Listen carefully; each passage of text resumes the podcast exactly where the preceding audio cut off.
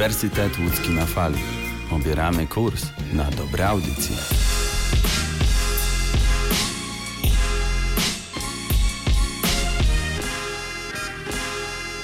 Tak jakby nikogo tutaj nie było.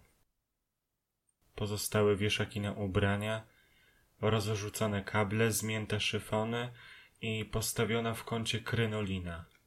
Pewnie po ostatnim pokazie Gucci na jesień-zima 2020. Nikogo dawno tu nie było i nikt tutaj nie mówił, dlatego czas powrócić. Przygotować głos i przypomnieć się na nowo, w nowy sposób, w nowym stylu, w którym będziemy przemierzać plac mody. Nazywam się Paweł Ogórkiewicz, a to jest audycja UE na fali pod tytułem Plac Mody. Kochani, wracamy.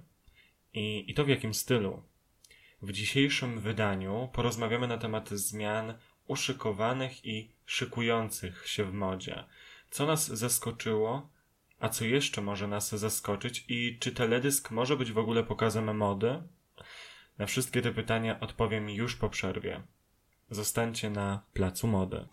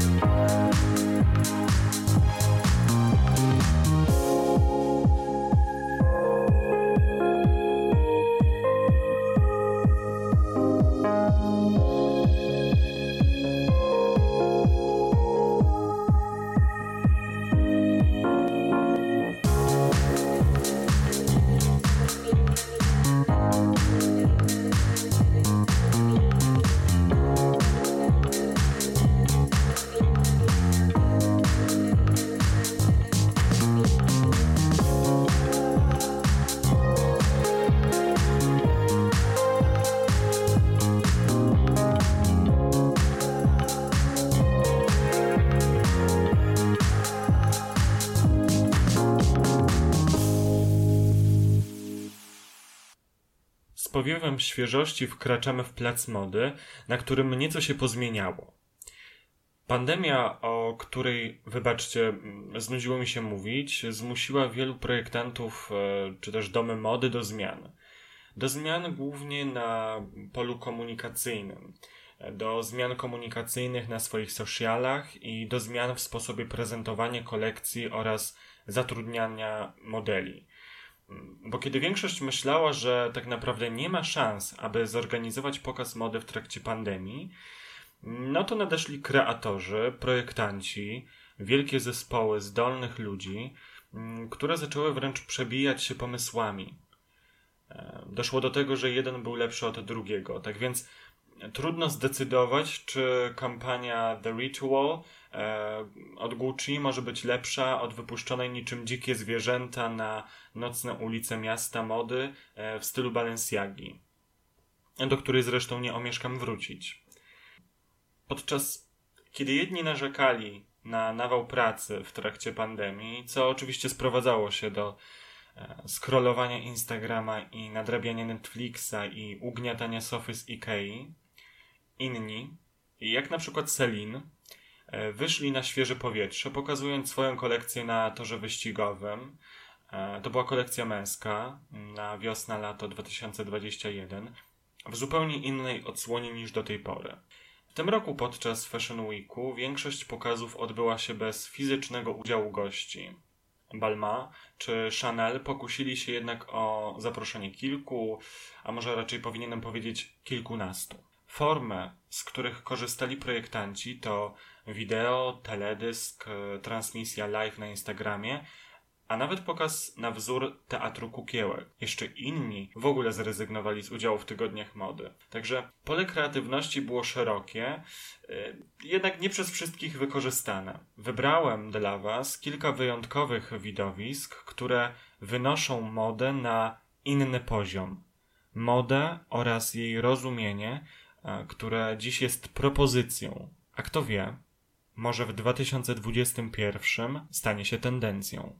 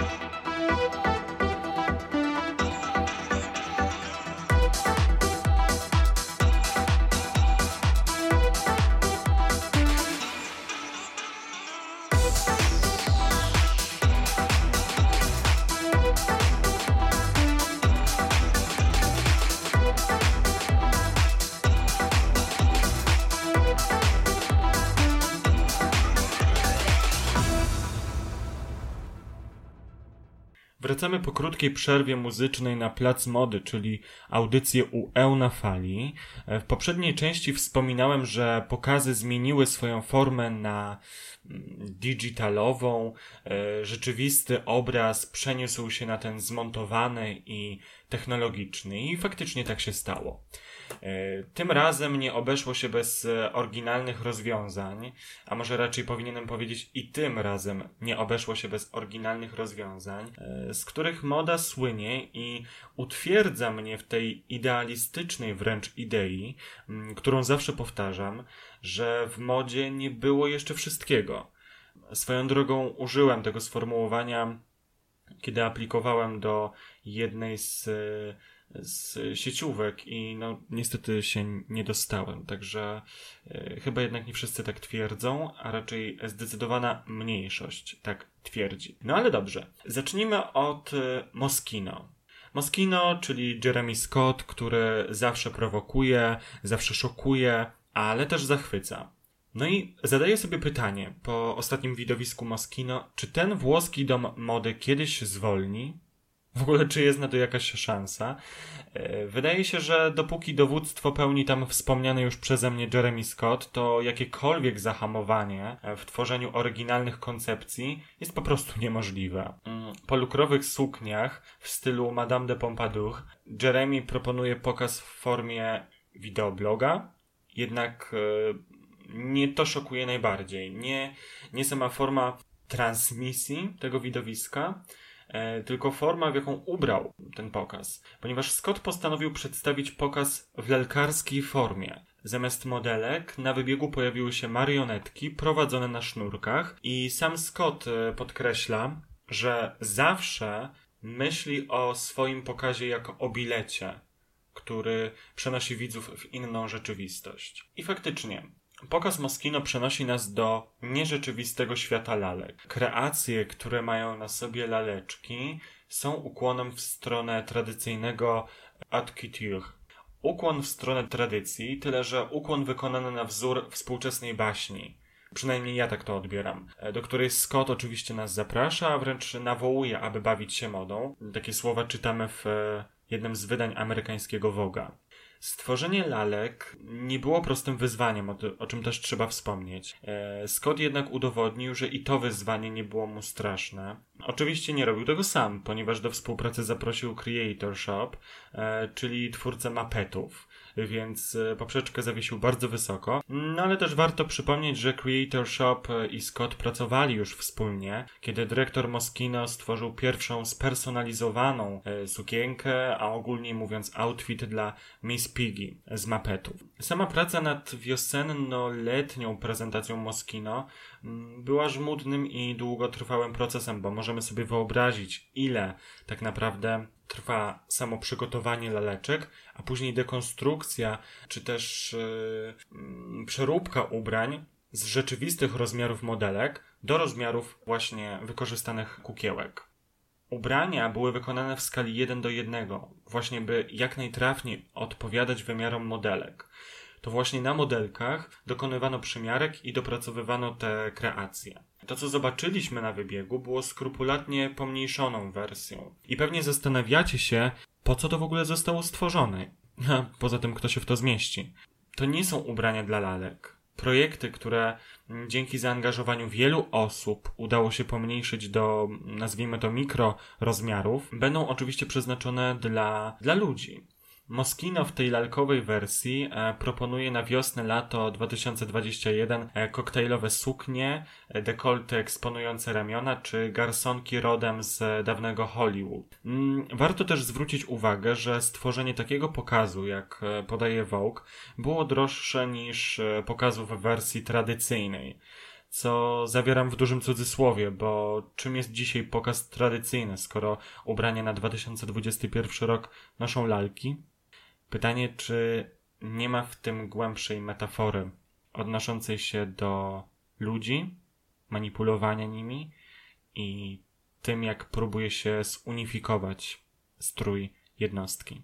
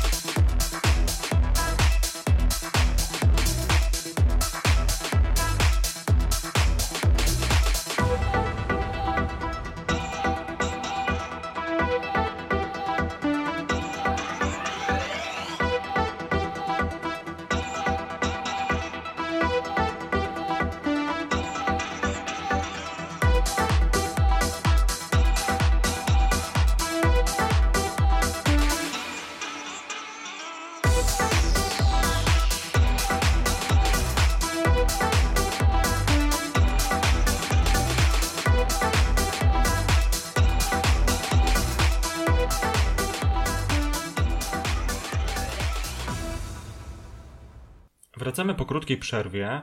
E, mówiliśmy przed chwilą o Moschino i Jeremym Scottie, e, który ukłonił się w stronę rzemiosła od, od couture. Natomiast e, ciekawą propozycją był też pokaz Prady. Tym razem Prada w wykonaniu z Rafem Simonsem, którego sama Mucia Prada mianowała na drugiego dyrektora kreatywnego swojej marki. No i tutaj trzeba przyznać, że Mucia wie, co robi, ponieważ styl e, jej samej oraz szaleństwo Rafa Simonsa okazały się połączeniem celującym w dziesiątkę. Na pokazie wiosna-lato 2021 pojawiły się zupełnie nieznane dotąd modelki, zupełnie nowe twarze. E, co ciekawe, ich imiona były wyświetlane na takich pulpitach, e, tak aby dać sygnał odbiorcom mody, że przemysł ten ciągle ewoluuje i obserwuje zmieniający się kanon urody. E, pokaz e, ubrany był też w dosyć ciekawą formę, e, ponieważ odbył się bez publiczności i w pokoju ze żółtymi zasłonami. Co ciekawe, żółty kolor jest w ogóle ulubionym kolorem Rafa Simonsa, także tutaj taka kolejna perełka mm, dla symbolistów. Sama sala pokazowa została wypełniona przez statywy, kamery, ekrany, więc to była dosyć dziwna, dziwne ubranie rzeczywistości, dziwne jej skomponowanie i i dosyć ciekawy dobór środków. Na każdym z tych ekranów, które były porozmieszczane w sali pokazowej, e, wyświetlane było imię idącej właśnie modelki. To uważam za, za świetne posunięcie. Dlatego właśnie warto uznawać modę jako sztukę przekazywania treści. Treści, które nie są odtwórcze, a treści, które są zawarte w wielu utworach. Jednego z nich za chwilę posłuchamy i słyszymy się po krótkiej przerwie.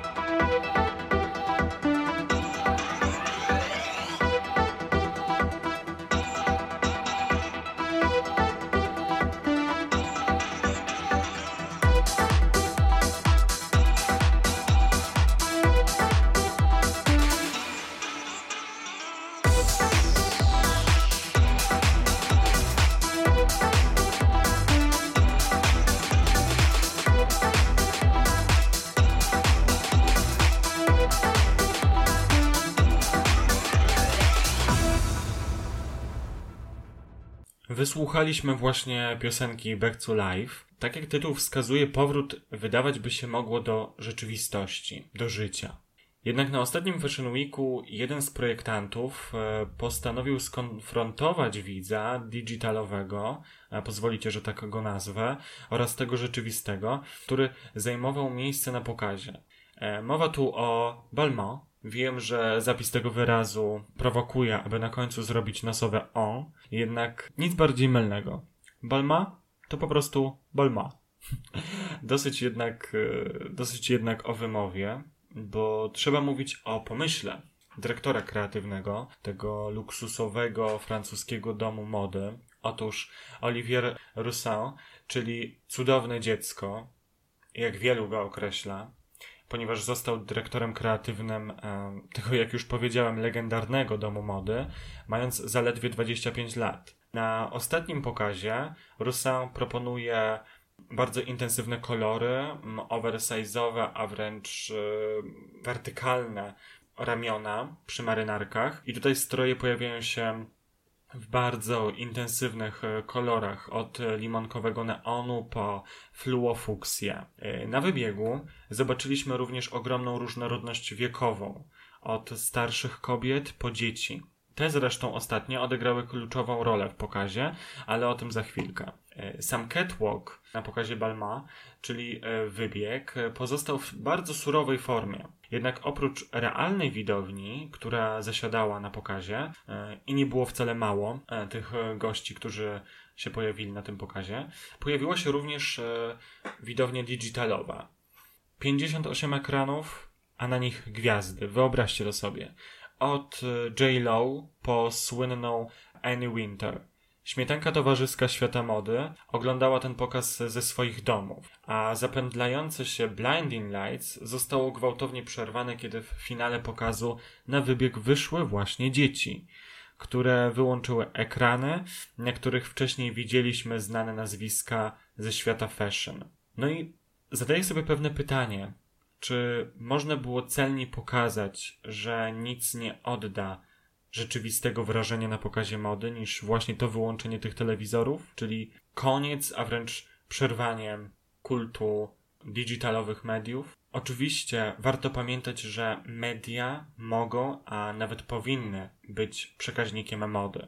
Ale wydaje mi się, że tak jak twierdzi Olivier Rousseau, nigdy nie powinny być jej narzędziem faktycznego odbioru.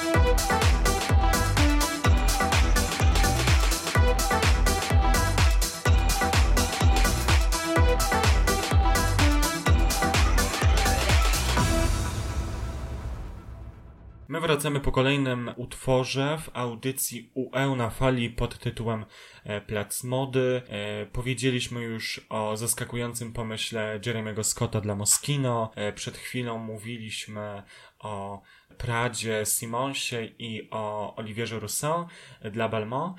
A teraz czas na chyba taką perełkę tegorocznego Fashion Weeku, ponieważ uważam ten pomysł za naprawdę genialny. Chciałbym Wam opowiedzieć o moim zdaniem wybitnym pomyśle Demnego Gwasali, czyli dyrektora kreatywnego Balenciagi. Otóż do tej pory wszyscy mogliśmy się zastanawiać, czy pokaz może istnieć w formie teledysku. No i Gwasalia e, pokazał, że może. Do tego klimatyczny utwór z retro podbiciem pod tytułem Sunglasses at Night. E, bardzo polecam zobaczyć ten klip, ponieważ uważam, że taka forma ukazania pokazu mody jest nie tylko pomysłowa, ale bardzo oryginalna i stylowa, ponieważ ile razy idąc ulicą i mając słuchawki w uszach nie wyobrażaliśmy sobie siebie na, na catwalku. Gwasalia chyba mocno się tym zainspirował i bardzo dobrze mm, i prawidłowo moim zdaniem. Naprawdę polecam zobaczyć ten klip, e, w którym modele spacerują pewnym krokiem po ulicach Paryża w nocy. Całość jest bardzo wyrazista, bezkompromisowa, e, modowa i, i dyskusyjna dla estetów co, co chyba najbardziej podoba mi się w tym teledysku. E, Balenciaga, jak już wiemy, lubi prowokować, lubi prowokować e, dyskusje na temat e, poszczególnych elementów w sylwetkach, które proponuje. Mm, no i tym razem taka dyskusja toczy się na temat czerwonych butów, czerwonych butów, przypominających te futrzane kapcie, takie mm, hotelowo-domowe. Jak dla mnie, bajeczne. Do tego oczywiście dołożyłbym czerwony płaszcz szlafrokowy, który również udało mi się zauważyć, czy też dostrzec w e, pokazie Balenciagi. E, no ale ja tam zawsze mówiłem, że satynowy szlafrok może pełnić rolę płaszcza. Na przykład na lato. Ten wełniany, czy też e, z froty, który zaproponował Wasalia, możemy pozostawić na zimę i góry śniegu. Myślę, że sprawdzi się równie dobrze. Gdyby ktoś miał wątpliwości co do formy pokazu jako teledysku i zarzucał mu małą widoczność ubrań, bo takie zarzuty się pojawiły, e, to spokojnie. Dyrektor kreatywny Balenciagi przygotował się na tego typu zarzuty i wraz ze swoim zespołem przygotował katalog Katalog, w którym możemy obejrzeć wszystkie sylwetki, mm, no a w tle w tym czasie możemy słuchać Sunglasses at Night, które zostało wykorzystane, remix tej piosenki został wykorzystany właśnie w teledysku Balenciagi. U nas Sunglasses at Night nie wybrzmi, ale zrekompensuję wam to utworem April. E, szlafrok z wieszaka, April w głośnikach, no i można się czuć jak na pokazie mody.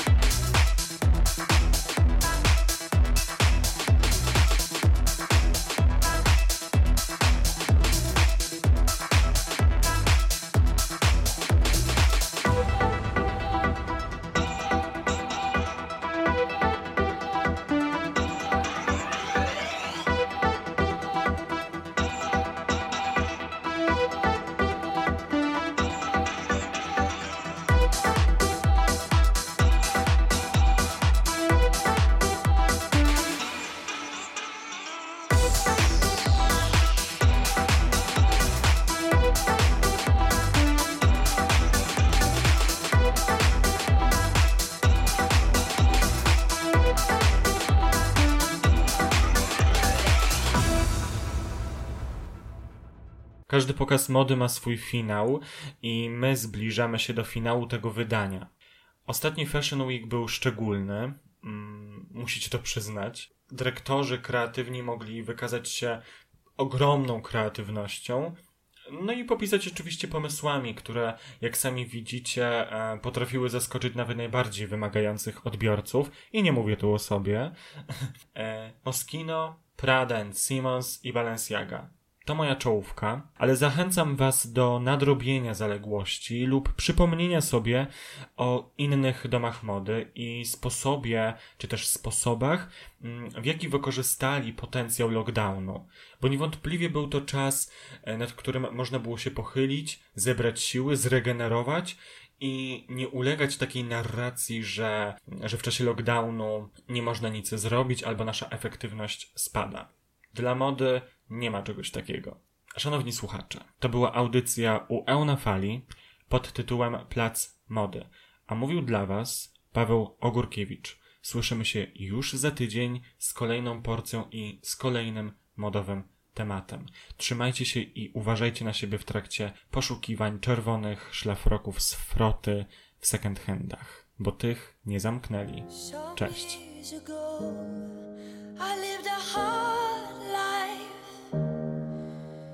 Sunlight burst a ray through those clouds.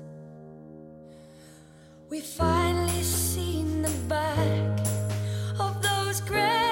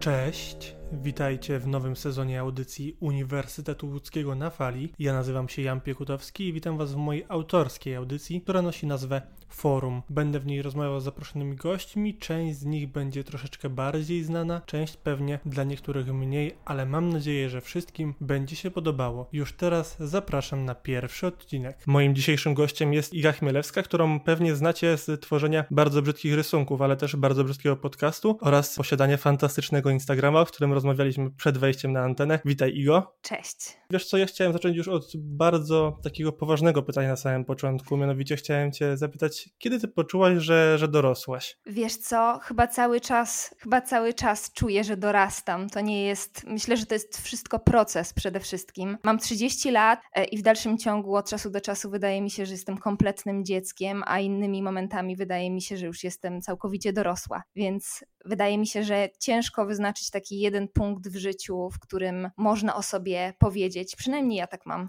w którym mogłabym o sobie powiedzieć, że jestem w 100% dorosła. Chociaż można byłoby też stwierdzić, że dorosłość, w dorosłość zaczęłam wchodzić dosyć wcześnie, dlatego że z domu wyprowadziłam się już w wieku 16 lat do liceum z internatem, więc można byłoby stwierdzić, że, że już wtedy pomału doroślałam ale od czasu do czasu wciąż czuję się kompletnym dzieckiem, nastolatką, więc nie mam pojęcia, kiedy to się zmieni. No ale nie żałujesz tego, że masz w sobie takie wewnętrzne dziecko?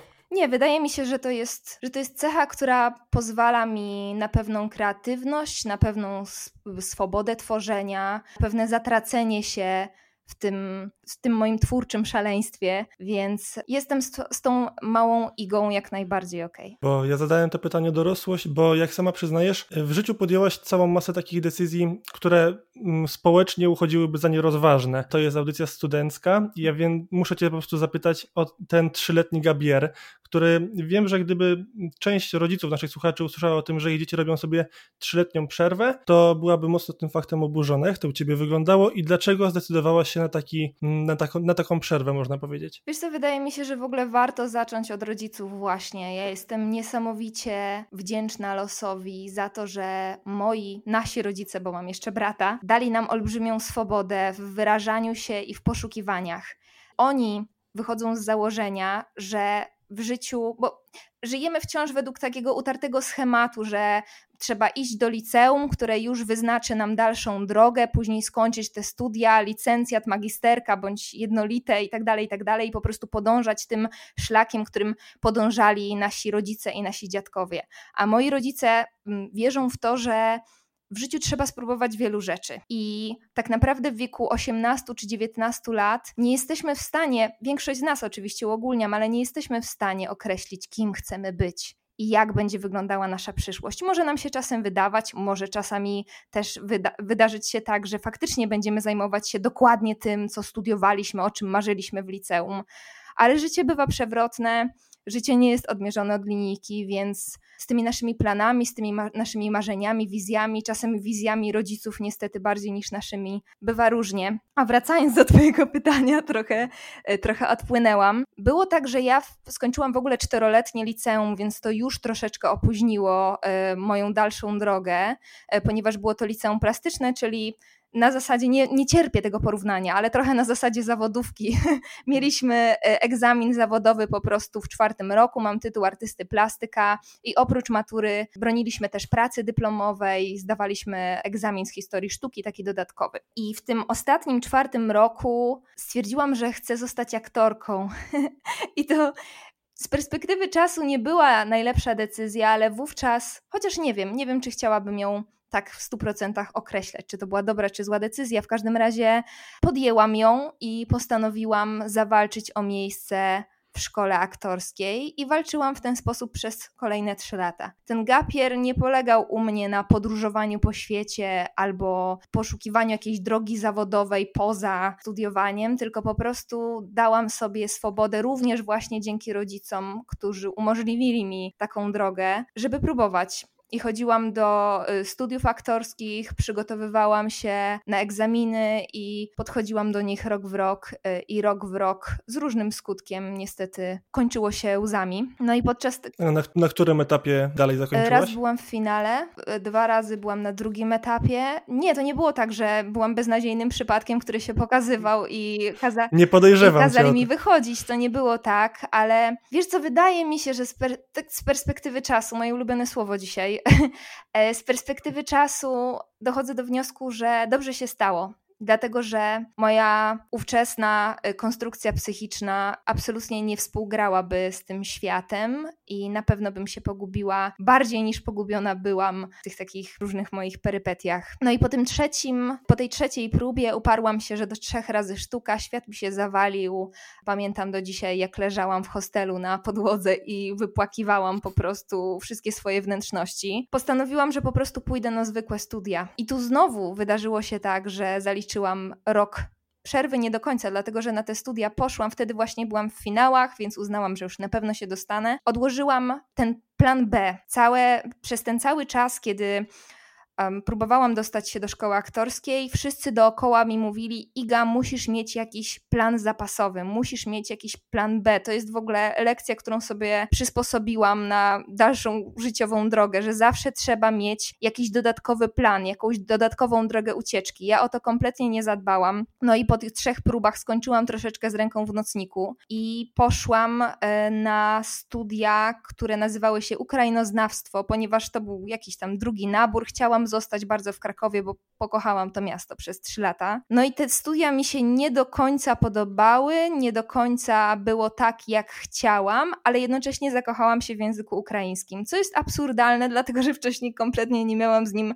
żadnej styczności, ale tak spodobała mi się kultura wschodu, że postanowiłam rok później pójść na filologię ukraińską, którą skończyłam. I nie żałuję, ponieważ były to. Jestem prawie pewna, że większość osób, która słucha teraz moich słów, stwierdza, że to jest jakiś, jakiś kosmiczny kierunek, y, super dziwny, super nieprzydatny i bo większość, zwłaszcza tych takich świeżych studentów albo ludzi, którzy studia planują, wydaje im się, że, że będą studiować jakieś rzeczy, które pozwolą im później zbijać miliony. No Ukrai ukrainistyka, przepraszam, ukrainistyka nie brzmi może, może w ten sposób, ale rzadko słyszę o kierunkach, na których wszystkim się chce działać. Zarówno wykładowcom, nie miałam ani jednego prowadzącego, który podchodziłby po macoszemu do swojego kierunku, ani studentom. Po prostu byliśmy taką jedną wielką rodziną, w której cudownie mi się uczyło i z którą cudownie mi się spędzało czas, więc to, to, to był fajny etap, zdecydowanie co one ci dały, bo no, nie będziemy się oszukiwać, że miejsca na rynku pracy tak. nie, więc co, co, co poza Wiesz, tym? wydaje mi się, że w ogóle studia, oprócz tego kierunku, który sobie wybierzemy, dają też całą masę takich umiejętności miękkich. Uczą cię przede wszystkim, uczą, właśnie, możemy wrócić do początku naszej rozmowy, uczą cię dorosłości uczą cię załatwiać całej, całą masę spraw. Te wszystkie, teraz sobie tak myślę, że te wszystkie załatwianie, bieganie do dziekanatu, bieganie do ksera, żeby skserować coś, co równie dobrze mogłaby ci w pani w dziekanacie skserować i tak dalej, i tak dalej. Te wszystkie różne zawiłości, usosy, nie usosy, nie wiem jak jest u was, czy macie coś takiego jak system usos? Mamy coś takiego jak przykro system mi. usos.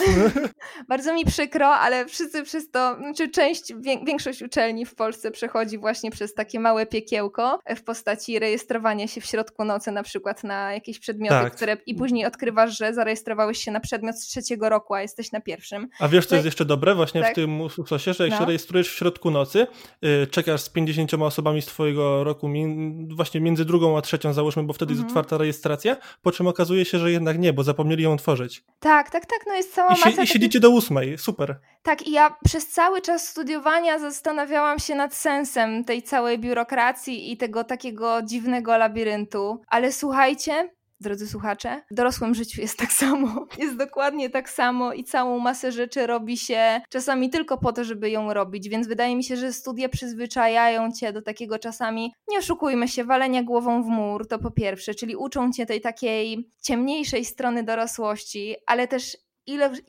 To będzie super oklepane, co teraz powiem. Ale te znajomości, które zawiera się na studiach, bardzo często właśnie to właśnie one przetrwają próbę czasu i są w dalszym ciągu, na dalszych etapach swojego życia. To jest super oklepane, że się na studiach poznaje przyjaciół, ale tak tak po części jest. No i tak, no wydaje mi się, że taką główną umiejętnością, którą się zdobywa na studiach, to jest ta umiejętność bycia dorosłym. Przynajmniej robią ci taką rozgrzeweczkę. No i kombinatorstwa też trochę uczą, ale miałam tego nie mówić.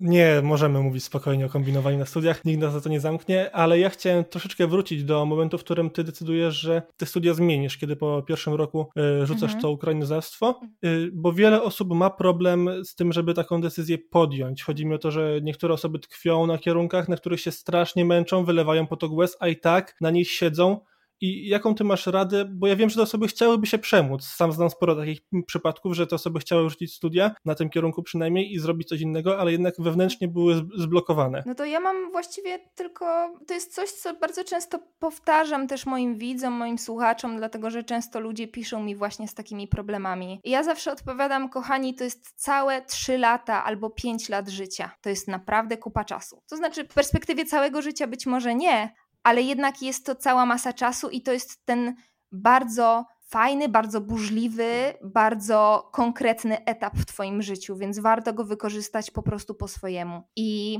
Oczywiście jest wciąż takie przekonanie, że jak coś zacząłeś, to musisz to dociągnąć, ale, ale to nie jest tak. I to nie jest też tak, że musimy kończyć studia w bardzo określonym etapie, bo inaczej świat się skończy. Świat się wcale nie skończy wtedy, kiedy zrobimy sobie jeden, jeden rok przerwy, żeby się po prostu zastanowić nad tym, co chcemy robić. Bardzo często w ogóle nie potrafimy podjąć takiej decyzji zaraz po liceum. W liceum mamy kompletny bałagan w głowie, kompletny, przynajmniej ja miałam kompletny bałagan w głowie i ciężko po prostu po maturze, ostatnim roku maturalnym, który w ogóle jest jakąś jazdą bez trzymanki, stwierdzić, dobra, teraz robię to i będę to robił do końca życia, bo bardzo często też wybieramy studia z myślą, że one przystosują nas do tego zawodu, który będziemy wykonywać. Ja akurat jestem po filologii, zawsze miałam jakąś artystyczną duszę, artystyczne zapędy. Mój chłopak jest informatykiem i mówi, że tak naprawdę to, co jest w ogóle taki mem, tylko w tym momencie sobie dokładnie nie przypomnę, co na nim było, bo oprócz tych moich umiejętności artystycznych to kompletnie nie jestem wzrokowcem, ale że tak naprawdę to,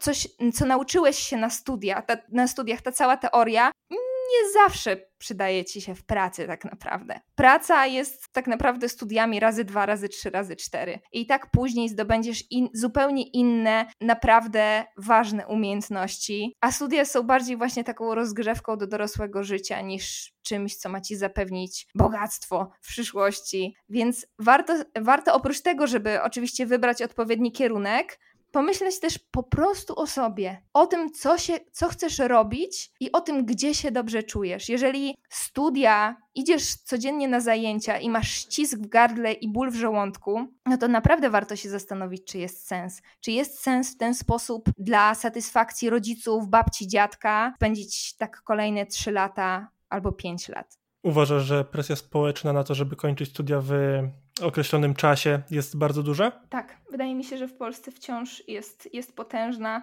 Wiesz co, mi się wydaje, że po prostu powinna nastąpić jakaś um, wymiana pokoleniowa, żeby się to trochę mhm. zmieniło. Tak naprawdę pracodawcy teraz coraz rzadziej patrzą na określony kierunek i co robiliśmy na studiach, a bardziej na to, jakie mamy doświadczenie. Oczywiście to doświadczenie. Ja nie chcę absolutnie umniejszać studiom. Ja zawsze mówię, że idź na studia, jeżeli masz taką możliwość, bo studia to też jest przywilej, pamiętajmy o tym. Jeżeli masz możliwość studiować, to skorzystaj z tego oczywiście, ale podejmij te decyzje w zgodzie z samym sobą przede wszystkim, a dopiero później w zgodzie z decyzjami rodziców, babci, dziadka itd. Tak itd. Tak Ta presja społeczna faktycznie jest wciąż rodzice chcą się pochwalić tym, że ich dzieci poszły na studia. Dlatego ja w ogóle miałam bardzo długą rozmowę z moją mamą na ten temat. Mama po prostu powiedziała mi, że w, w jej czasach studia były bardzo ważną rzeczą. To była nobilitacja dla tej osoby, dla całej rodziny, że dziecko poszło na studia. I ci rodzice w dalszym ciągu myślą takimi kategoriami, więc zależy im na tym, żebyśmy skończyli te studia w określonym czasie, żebyśmy się gdzieś po drodze nie rozmyślili i żebyśmy mieli ten, ten papierek po prostu. Tylko, że ten papierek nie zawsze się sprawdza.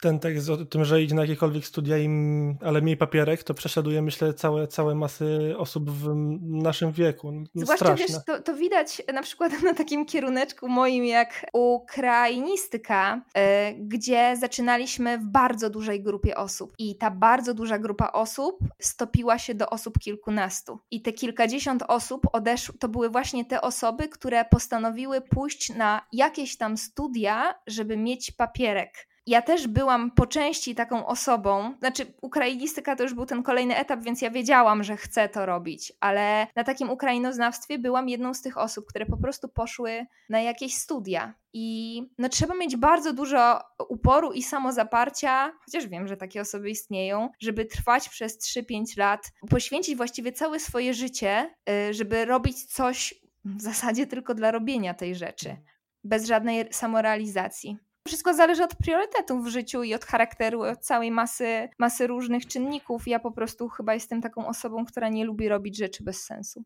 No rozumiem. A jeszcze chciałem Cię dopytać o miasto, bo umówmy się, że ono odgrywa bardzo dużą rolę w e, studiowaniu. Tak. Ty się uparłaś trochę na ten Kraków, bo tam żyjesz już szmat czasu, jak sama powiedziałaś, nie chciałaś z tego miasta wyjeżdżać. Nie będę się specjalnie dziwił, macie Roberta Makłowicza, więc to no, jest jakby... come on. Wiesz, w ogóle wczoraj, wczoraj tak? jechałam tak? w nocy, znaczy wieczorem przez miasto i przede mną była czar czarna Alfa Romeo i jestem pewna, że to on jechał tą Alfa Romeo. Mój chłopak powiedział, że to musi być on, bo i w ogóle i Możliwe. I on w którymś, bo ja jestem generalnie, pewnie gdzieś tam mnie obserwujesz, więc wiesz, że jestem absolutnie uzależniona od Roberta Makłowicza. Ja się utożsamiam, spokojnie. Jestem absolutnie uzależniona od Roberta Makłowicza i jego vlogów w ogóle, tego jak, tak. jak je nagrywa, że to jest taki rodzic w internecie plus i no to, jest, to, jest mój, to jest mój Dionizos generalnie. Uważam, że w przyszłości właśnie tak chciałabym żyć. Ale, ale właśnie widziałam w tych jego vlogach, że jeździ Alfą, czarną Alfą Romeo i mówił też, że bardzo nie lubi jeździć powoli. Wczoraj to Alfa, ta Alfa Romeo bardzo szybko ruszyła z tego, czerwone, z tego, z tego czerwonego światła, więc e, jestem pewna, że to był on. Otarłam się tak, o absolut. na protestach pewnie też się mogłaś otrzeć, bo Jezu, bo, bo, nie, ale ja byłam, na prote- ja byłam na tym proteście i stałam w tym miejscu i dopiero później ktoś z widzów mi przysłał, że on też tam był. No, no to... ale widzisz, ten los gdzieś, ten wszechświat nas gdzieś pcha ku sobie, więc myślę, że to wcześniej czy później To już niedługo, nadejdzie. spokojnie. Najwyżej tak. go gdzieś na Chorwacji upoluje, jak, jak pozwolą nam wyjechać w przyszłe wakacje. Tam też jeździ Alfą Romeo, także szukaj tej Alfy na polskich numerach, to, dobrze, to, to znajdziesz dobra, Roberta. Dobra, dobra. Kraków, bo o Kraków miałem mhm. dopytać. Co by było, znaczy właściwie jakie miasto byś wybrała, gdybyś nie mogła mieszkać w Krakowie? Wiesz co, udzielę Ci teraz odpowiedzi, która jeszcze dwa lata temu wydawałaby mi się kompletnie nie moja, ale w tym momencie mogę powiedzieć, że Warszawa. Warszawę pokochałam tak naprawdę w ostatnim roku. O, przez trzy lata pracowałam w agencji reklamowej jako e, copywriter, ale też e, bezpośrednio, bo copywriter copywriterowi nierównym. U nas w agencji, w mojej byłej agencji, bo pracę rzuciłam dosłownie dwa miesiące temu, e, zajmowaliśmy się na stanowisku copywriterskim praktycznie wszystkim, również pracą na planie, a wszystkie reklamy, jak mhm. wiadomo, kręci się, większość kręci się właśnie w Warszawie, więc w tej Warszawie miałam okazję nareszcie trochę pomieszkać. W hotelu hotelu, bo w hotelu, ale jednak miałam ten czas, żeby przejść tymi ulicami, żeby się zgubić. I przestało być to dla mnie takie betonowe miasto, gdzie wszyscy pędzą.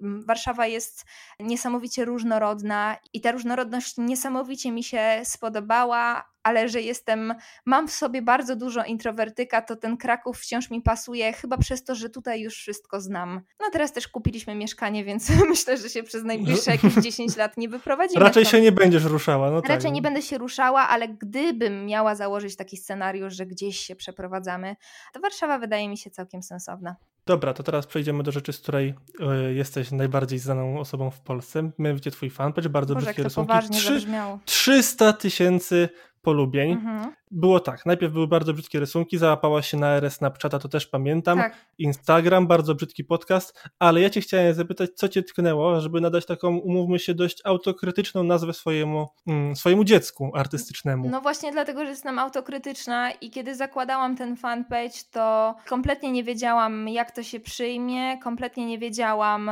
z, jakim, z jaką reakcją się spotkam, więc postanowiłam nazwać go w taki sposób, że jeżeli jeżeli mi nie wyjdzie, bardzo lubię sobie takie dupochrony robić, że jeżeli mi nie wyjdzie, to powiem, że tak właśnie miało być, że to miało być takie bardzo brzydkie, takie niedorobione, takie niekompletne. Wentyl bezpieczeństwa zostawiałaś, tak? To, tak? Był, to był absolutny wentyl bezpieczeństwa, no i tak zostało. No i ten, ten, to bardzo brzydkie później przechodziło na jakieś kolejne platformy, które sobie uruchamiałam. Czasem trochę żałuję, że ta nazwa jest taka długa, bo jak trzeba, nie wiem, jakiegoś maila podać czy coś, no to jest cały alfabet praktycznie, więc no obecnie pewnie jakbym szukała nazwy, to nazwałabym to nieco krócej, ale tak już zostało, więc nie będę z tym walczyć.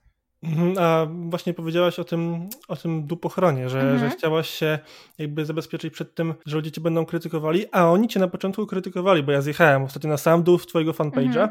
i pojawiły się mniej Ja więcej tego nie takie- robię, Boże. A ja, no widzisz, to teraz będziesz miała zderzenie z, z rzeczywistością Zaraz mi, zaraz mi się 2014. internet zepsuje. I było tak, dostałaś po głowie, że nie zainwestowałaś w tablet graficzny. Ktoś nazwał Mhm. twoją kreskę obleśną, a jeszcze Mhm. ktoś napisał, że przerysowujesz zdjęcia. Jak ty sobie z tym radziłaś? E, na początku bardzo źle. W ogóle ten zarzut, że przerysowuję zdjęcia, był, jest czymś, co prześladuje mnie do teraz. E, bo, Tam pan napisał jeszcze w nawiasie z trzema wykrzyknikami, to naprawdę widać. e, tak, no tak. Wiesz co, ja postanowiłam już z tym nie dyskutować. Tak naprawdę nie mam nikomu nic do udowadniania. Nawet myślałam o tym, żeby któregoś dnia podłączyć po prostu ekran do, y, do nagrywania i po prostu pokazać, y, pokazać, jak to robię, ale stwierdziłam, że nie chcę, że to jest coś, czego zwyczajnie nie chcę robić, bo nie mam nikomu nic do udowodnienia. Ale te, te komentarze na początku były, były cholernie bolesne, bo ja jestem wrażliwcem, wrażliwcem, który trafia w, w taką internetową magmę, która cię pochłania. No, nie było to, nie było to łatwe na początku. W tym momencie też nie jest. To nie mogę powiedzieć, że teraz się uodporniłam i spływa po mnie jak po kaczce. To, to też nie jest tak. Znaczy teraz jest tyle tych komentarzy, że nawet ja nie miałem siły się przebijać, żeby znaleźć jakiś hejt, także umówmy się, że go nie ma. Ja czytam to bardzo wybiórczo, wiesz. Spotykam się też z krytyką w wiadomościach prywatnych i to na niej skupiam e, swoją energię i na jakąś dyskusję, jeżeli w ogóle taka jest możliwa. A w komentarze staram się po prostu nie wchodzić dla własnego zdrowia. No zrozumiałe w pełni. A pamiętasz pierwszy rysunek, jaki e, wrzuciłaś na fanpage? Tak, nie, nie istnieje już e, na fanpage'u, były tam niecenzuralne słowa. Aha, Bo no generalnie właśnie, bo... ten, ten fanpage na początku miał troszeczkę inny wydźwięk, wiesz? On był To słucham, bo ja no, spotkałem, że twój pierwszy post, który teraz jest, to jest 29 grudnia, fanpage jest założony 17. Co się stało przez 22 dni? Mm, bardzo dużo, znaczy wiesz co, to było generalnie tak, że to się strasznie szybko potoczyło. Ja założyłam Mhm. ten fanpage, zaczęłam rysować, no i tam różne komentarze, znaczy te, te teksty, które tworzyłam, były niecenzuralne, były nieco ostrzejsze. Zaczęli ludzie napływać i we mnie obudził się, bo to generalnie było tak, że ja rozesłałam zaproszenia tylko do moich znajomych na Facebooku i koleżanka, która miała dosyć dużo znajomych, też rozesłała dalej. No i to się tak w zasadzie zaczęło. I kiedy ci ludzie zaczęli napływać, to we mnie włączył się jakiś taki, włączyła się jakaś autocenzura i zaczęłam te wulgarne posty kasować. W tym momencie pewnie bym je zostawiła, ale bardzo długo w internecie towarzyszyła mi taka niepewność i raczej ograniczanie środków do tych miłych dla wszystkich. Właściwie dopiero teraz, właściwie dopiero teraz zaczynam e, jakoś się przełamywać i mieć gdzieś zdanie ogółu, ale bardzo dużo dbałam o to, zresztą tak mówiłam to też w jakichś innych wywiadach, że chciałam, żeby bardzo brzydkie rysunki były tak, taką, takim miejscem, które godzą górę z dołem, prawą z lewą stroną i tak dalej, i tak dalej, żeby po prostu były miejscem, w którym każdy może się uśmiechnąć. No ale ludzie się zmieniają, ja też. Mm, A co cię skłoniło do opublikowania pierwszego rysunku, już abstrahując od tego, czy był on wulgarny, czy nie? Wiesz co, ja wtedy miałam strasznie mroczny czas. Em, Mhm. Poczucie absolutnej beznadziei to było właśnie jakoś po tym, jak, jak się moje marzenia o aktorstwie już posypały do reszty i postawiłam na nie krzyżyk. I ja przez ten czas, kiedy chciałam, chciałam zostać aktorką, e, prawie w ogóle nie rysowałam. I ja wręcz odruchowo wróciłam do tego rysunku, żeby po prostu uciec żeby po prostu jakoś oderwać swoje myśli. Nawet na początku nie przypuszczałam, że, że będę to gdziekolwiek wrzucać, tylko po prostu się wyżywałam plastycznie, artystycznie. No i mój kumpel mnie pchnął do takiej, a nie innej decyzji, żeby wrzucić te rysunki, więc te pierwsze po prostu były przejawem mojej frustracji, której nie planowałam nikomu prezentować. E, I przez to właśnie, że były takie, takie moje, takie osobiste, to postanowiłam z nich zrezygnować. Bo ty podkreślałaś, że ty, ta osoba, mimo że ma twoją twarz Mhm. na tych rysunkach, to to nie jesteś ty i to nie do końca są twoje przemyślenia, z którymi się To utożsamiasz. jestem, to może tę jestem ja sprzed bardzo długo, to byłam ja sprzed tych Mhm. właśnie trzech, czterech lat. W tym momencie, w tym momencie nie wiem, kim jest ta postać, ale też odpływam już od. mm, Była taka era, już trochę się kończy, trochę staje się bardziej świadoma, jak my wszyscy, i trochę więcej zaczyna być w tym wszystkim głębi, ale była taka era rysunków, wiesz, takich babskich żarcików, nie? I ja, to był też taki Tak. trochę mój content, że o piciu winka, o niegoleniu nóg, y, o takich różnych rzeczach, które może wtedy miały sens, może wtedy mnie bawiły i na tym właściwie wybudowałam ten fanpage, na takich drobnych żarcikach, że hi, hi, hi my kobitki i e, bla bla bla. A w tym momencie, w tym momencie już nie dostrzegam sensu tworzenia właśnie takiego kontentu i jestem obecnie jestem na etapie takiego trochę ponownego wyczucia publiczności i delikatnej jednak zmiany, ponieważ rysunki tworzę już od wielu, wielu lat. Poczułam w pewnym momencie, że zaczynam się zapętlać, więc teraz trochę kombinuję z techniką, trochę kombinuję z tematami, trochę więcej jest tam mnie, tej obecnej mnie. I tematów społecznych. Wciąż się ich trochę boję, ale mm, dryfuję raczej w stronę właśnie czegoś bardziej świadomego niż, niż e, gadanie o, o piciu winka. Mhm. A kiedy poczułaś się popularna? Mm, W TVN-ie? nie, wiesz co, w TVN to był taki e, to był taki dziwny epizodzik, w sensie ja poszłam tam tylko dlatego, żeby zobaczyć jak telewizja z drugiej strony wygląda, bo nigdy tego... Sześć minut z Marcinem Mellerem i Magdą Mołek to nie jest epizod. No, oczywiście, że tak. Tam wiesz, ja tam spędziłam ponad godzinę, więc mogę się chwalić No. potomnym, ale e, chciałam, po- to, była, to było zrobione z czystej ciekawości i no, występ w śniadaniówce to nie jest jakieś dokonanie za specjalne, chociaż byłam pod dużym wrażeniem tej organizacji, jak o 6 rano chodzę do studia, a tam ludzie po prostu jakby się nawciągali czegoś od trzeciej nad ranem, od czwartej nad ranem już ustawiają te oświetlenia i tak dalej. A później trafiłam do, też do pracy w pewnym sensie w telewizji przy, przy, przy produkcji reklam i też byłam tą osobą nie nawciąganą, to wcale tak nie działa, e, która od czwartej nad ranem e, z kubkiem kawy popylała po planie i próbowała jakoś ogarnąć świat. Także tak, Popularność. a popularność, przepraszam, znowu odpłynęłam. No, gdybym, gdybym nie miała takich dygresji, to pewnie nie nagrywałabym podcastów. Popularność. Nie wiem. To znaczy, w tym momencie mogłabym wyciągnąć jakiś etap z mojego życia, jakiś moment z mojego życia, w którym poczułam to takie fajne ukłucie, ale nie. Nie, wiem. Moja pierwsza, pierwsza i jedyna wystawa, którą sobie mm, z moim kolegą, mój kolega pomógł mi zorganizować wystawę bardzo brzydkich rysunków. Ja bardzo długo się zapierałam, że to w ogóle nie ma sensu, że to jest, to jest rzecz, która należy do internetu, więc powinna tam zostać. No i w końcu zorganizowaliśmy wystawę, zresztą z różnymi przebojami po drodze i przyszło na nią tysiąc osób. I wtedy poczułam, że. I to była taka wystawa, tam promocyjnie jakoś. To nie było tak, że nie wiem, plakaty wisiały na każdej ulicy i Bóg wie, Mhm. co robiliśmy. I przyszło tysiąc osób. I wtedy poczułam, że, no, że jednak musiałam zobaczyć w rzeczywistości tych ludzi, żeby jakkolwiek uwierzyć w to, że te rysunki są oglądane, bo jednak w internecie, wiesz, masz cyfry, masz, masz ksywki, masz jakieś tam niby imiona i nazwiska, ale to wciąż nie jest rzeczywistość. A kiedy pierwszy raz, bo to był pierwszy raz, kiedy w rzeczywistości zobaczyłam ludzi, którzy mnie obserwują, którzy mnie znają, a ja nie znam ich zupełnie, to jest w ogóle też dziwne uczucie, to wtedy poczułam, że coś w tym jest. Ale tak, żeby się poczuć jakaś popularna, jakaś. To chyba nigdy nie miałam jakiegoś takiego. I nie mam w ogóle gwiazdorskich zapędów takich, żeby. Nie, nie odbiła cię sodówka w żadnym nie, momencie? nie. Po- Za późno zaczęłam. Może gdybym zaczęła, wiesz, jako nastolatka, jak teraz się robi kariery w internecie, to, to może by mnie odwaliło, ale, ale no już miałam 20 parę lat, teraz mam 30. To wszystko jest bardzo ulotne, to wszystko jest na chwilę tak naprawdę. Okej, a powiedz mi, często się denerwujesz? Tak? A na co ostatnio? Eee, Tak najbardziej. Ostatnio pokłóciłam się z moim chłopakiem, że garnków na płytę indukcyjną nie należy myć w zmywarce. On powiedział, że po to mamy zmywarkę, żeby myć garnki. E, I że nie będzie tego robił, i, i bardzo się pokłóciliśmy o to. I mm, chciałabym, chciałabym, żeby pan los tylko takie powody do kłótni nam podrzucał, bo to takie błahostki. Ale potrafię. Ja jestem typem choleryka, więc potrafię zrobić z igły widły i zdenerwować się w momencie, który w ogóle jest nieadekwatny do poziomu mojej złości. Okej, ja, mm, a propos tego wkurzenia, bo zaczęła się od tej kłótni z, z twoim Mhm. chłopakiem, więc dość, dość delikatny spór, tym bardziej, że o garnki, a nie o coś poważnego. Mm.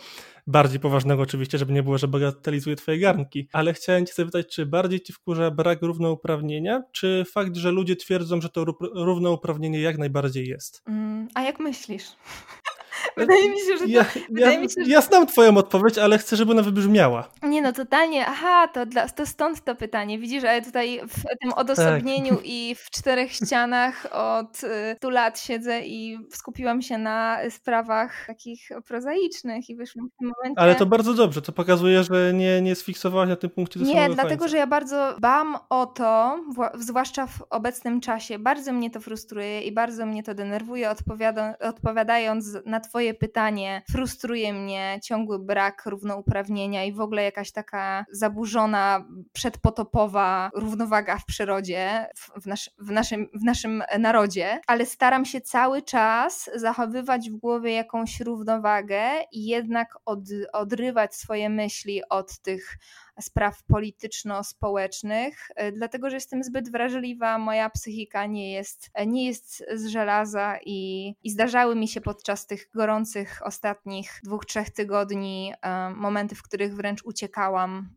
do takiego mojego, mojego własnego świata, z dala od internetu, z dala od telewizji, e, żeby po prostu trochę poddychać, bo to wszystko jest duszące, to jest, no, jest gęsto. To była jedna z najbardziej przytłaczających rzeczy chyba, jakie ja przeżyłem jak do tak, tej pory. No, wydaje mi się, że my, I... większość z nas, większość osób tego młodego no, z naszego pokolenia na pewno, tak. możliwości przeżyć coś takiego. No właśnie, my jesteśmy tym młodym pokoleniem i myślę, że nam się uda wypracować jakieś zmiany w takim ogólnopojętym myśleniu społecznym. Tak, tak dlatego, że jesteśmy czymś kompletnie nowym. Czymś, na co mhm. władza, na co starsze pokolenie, pokolenie naszych rodziców, dziadków nie jest gotowe. My Mówię tutaj bardziej o jeszcze młodszym pokoleniu. Ja, ja, ja, jestem wciąż milenialsem. Ja mówię o tym pokoleniu, które kiedy ja szłam na czarne marsze kilka lat temu, oni by kończyli gimnazjum.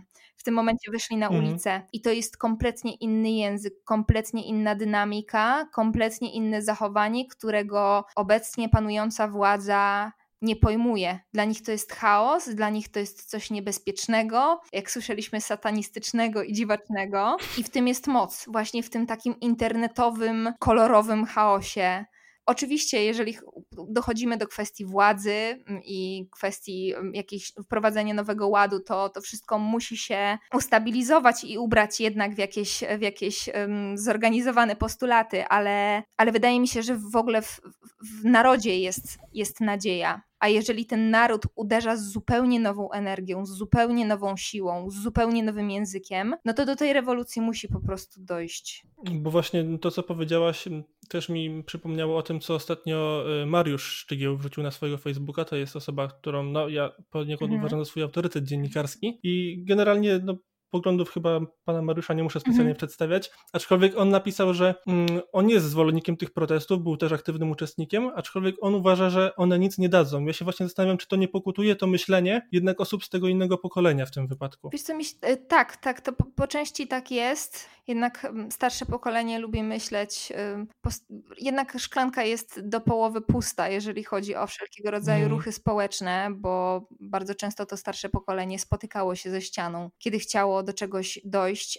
ale wydaje mi się, że coś pękło. To jest, aż w tym momencie mam ciarki na rękach, dlatego że wydarzyła się, wydarzyło się coś historycznego, że wszyscy wyszliśmy na ulicę i że zaczęliśmy krzyczeć. I wydaje mi się, że tej, tej lawiny już nie da się zatrzymać w tym momencie. Trochę się obawiam tego, że, w tym, że obecnie zaczyna to trochę przycichać, bo no, fajnie by było, gdyby to cały czas było boldem w internecie na przykład, ale jako osoba właśnie z internetu, jako influencer też, muszę dać sobie przestrzeń na dodatkowe tematy. Nie możemy cały czas, więc szukam w tym momencie tego, tego takiego fajnego balansu, żeby jednak nie zapominać o tej świadomości, o, tej, o tym świadomym kontencie, i jednocześnie przemycać treści lżejsze. Bo tak naprawdę bardzo dużo y, leży w rękach internetu. W ogóle chyba pierwszy raz no internet tak był tak dużą bronią, tak dużym narzędziem. Internet w końcu powiedziano nam teraz, żebyśmy protestowali w internecie, więc. No, no.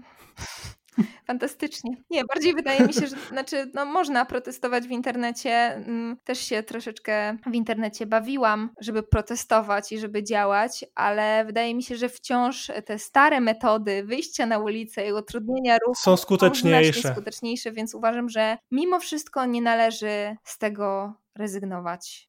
Okej, okay, a wierzysz w przeznaczenie? Nie wiem. Czasami, czasami lubię, jak się wydarza coś miłego, to lubię mówić o przeznaczeniu, a kiedy wydarzy się coś złego, wtedy zganiam to wszystko na przypadek. Okej, okay, bo to jest takie preludium do krótkich pytań, krótkich odpowiedzi na sam koniec. Potrafisz już lubić całą siebie? Zdecydowanie. Super. Najważniejsza osoba w życiu? Mama. Idol, ale nie Robert Makłowicz? Robert Makłowicz. Piwnica pod baranami czy dziurawy kocioł? Piwnica pod baranami. Studia do twojego zeszytu życia wpisały więcej plusów czy minusów? Plusów, come on. Za pięć lat będziesz? Nie mam pojęcia. Gdybyś ze świata mogła usunąć jedną rzecz, albo uczucie, zapach, cokolwiek, to byłoby to? Hmm, tu mi zabiłeś ćwieka. Mogłabym teraz odpowiedzieć bardzo politycznie. Ale nie zrobię tego. Mm, jak ktoś wyznaje podwójne standardy, to jest. O, hipokryzja. Hipokryta. Tak. Mhm hipokryzji. Pozbyłabym się hipokryzji. Dobra. Potrafisz już nazwać się artystką? Bo wcześniej miałaś z tym problem. Nie. Aha. A dobrze się bawiłaś podczas tych prawie 40 minut? Naprawdę rozmawialiśmy 40 minut? Tak. No to w takim razie bawiłam się dobrze. No to super, dziękuję bardzo za Dzięki. rozmowę.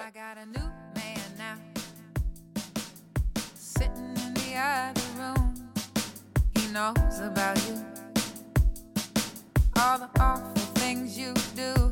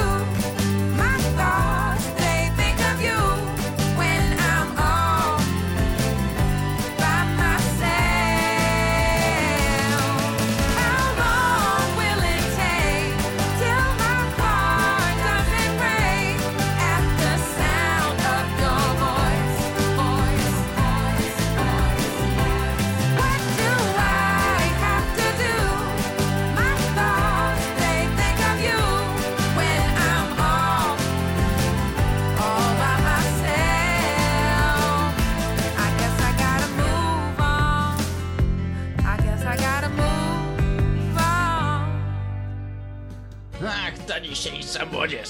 Zero kultury. Dziadek, co ty gadasz? My jesteśmy kulturystami. Kulturyści w UE na fali. Cześć, witamy Was w podcaście. Witają Was Damian Zagórski. i Wiktor Stańczyk. Zanim zaczniemy, mam do Ciebie w ogóle pytanie. Skąd w ogóle wziął się to określenie kulturyści? Bo wiesz co, patrząc na Ciebie, to do kulturysty to Ci daleko.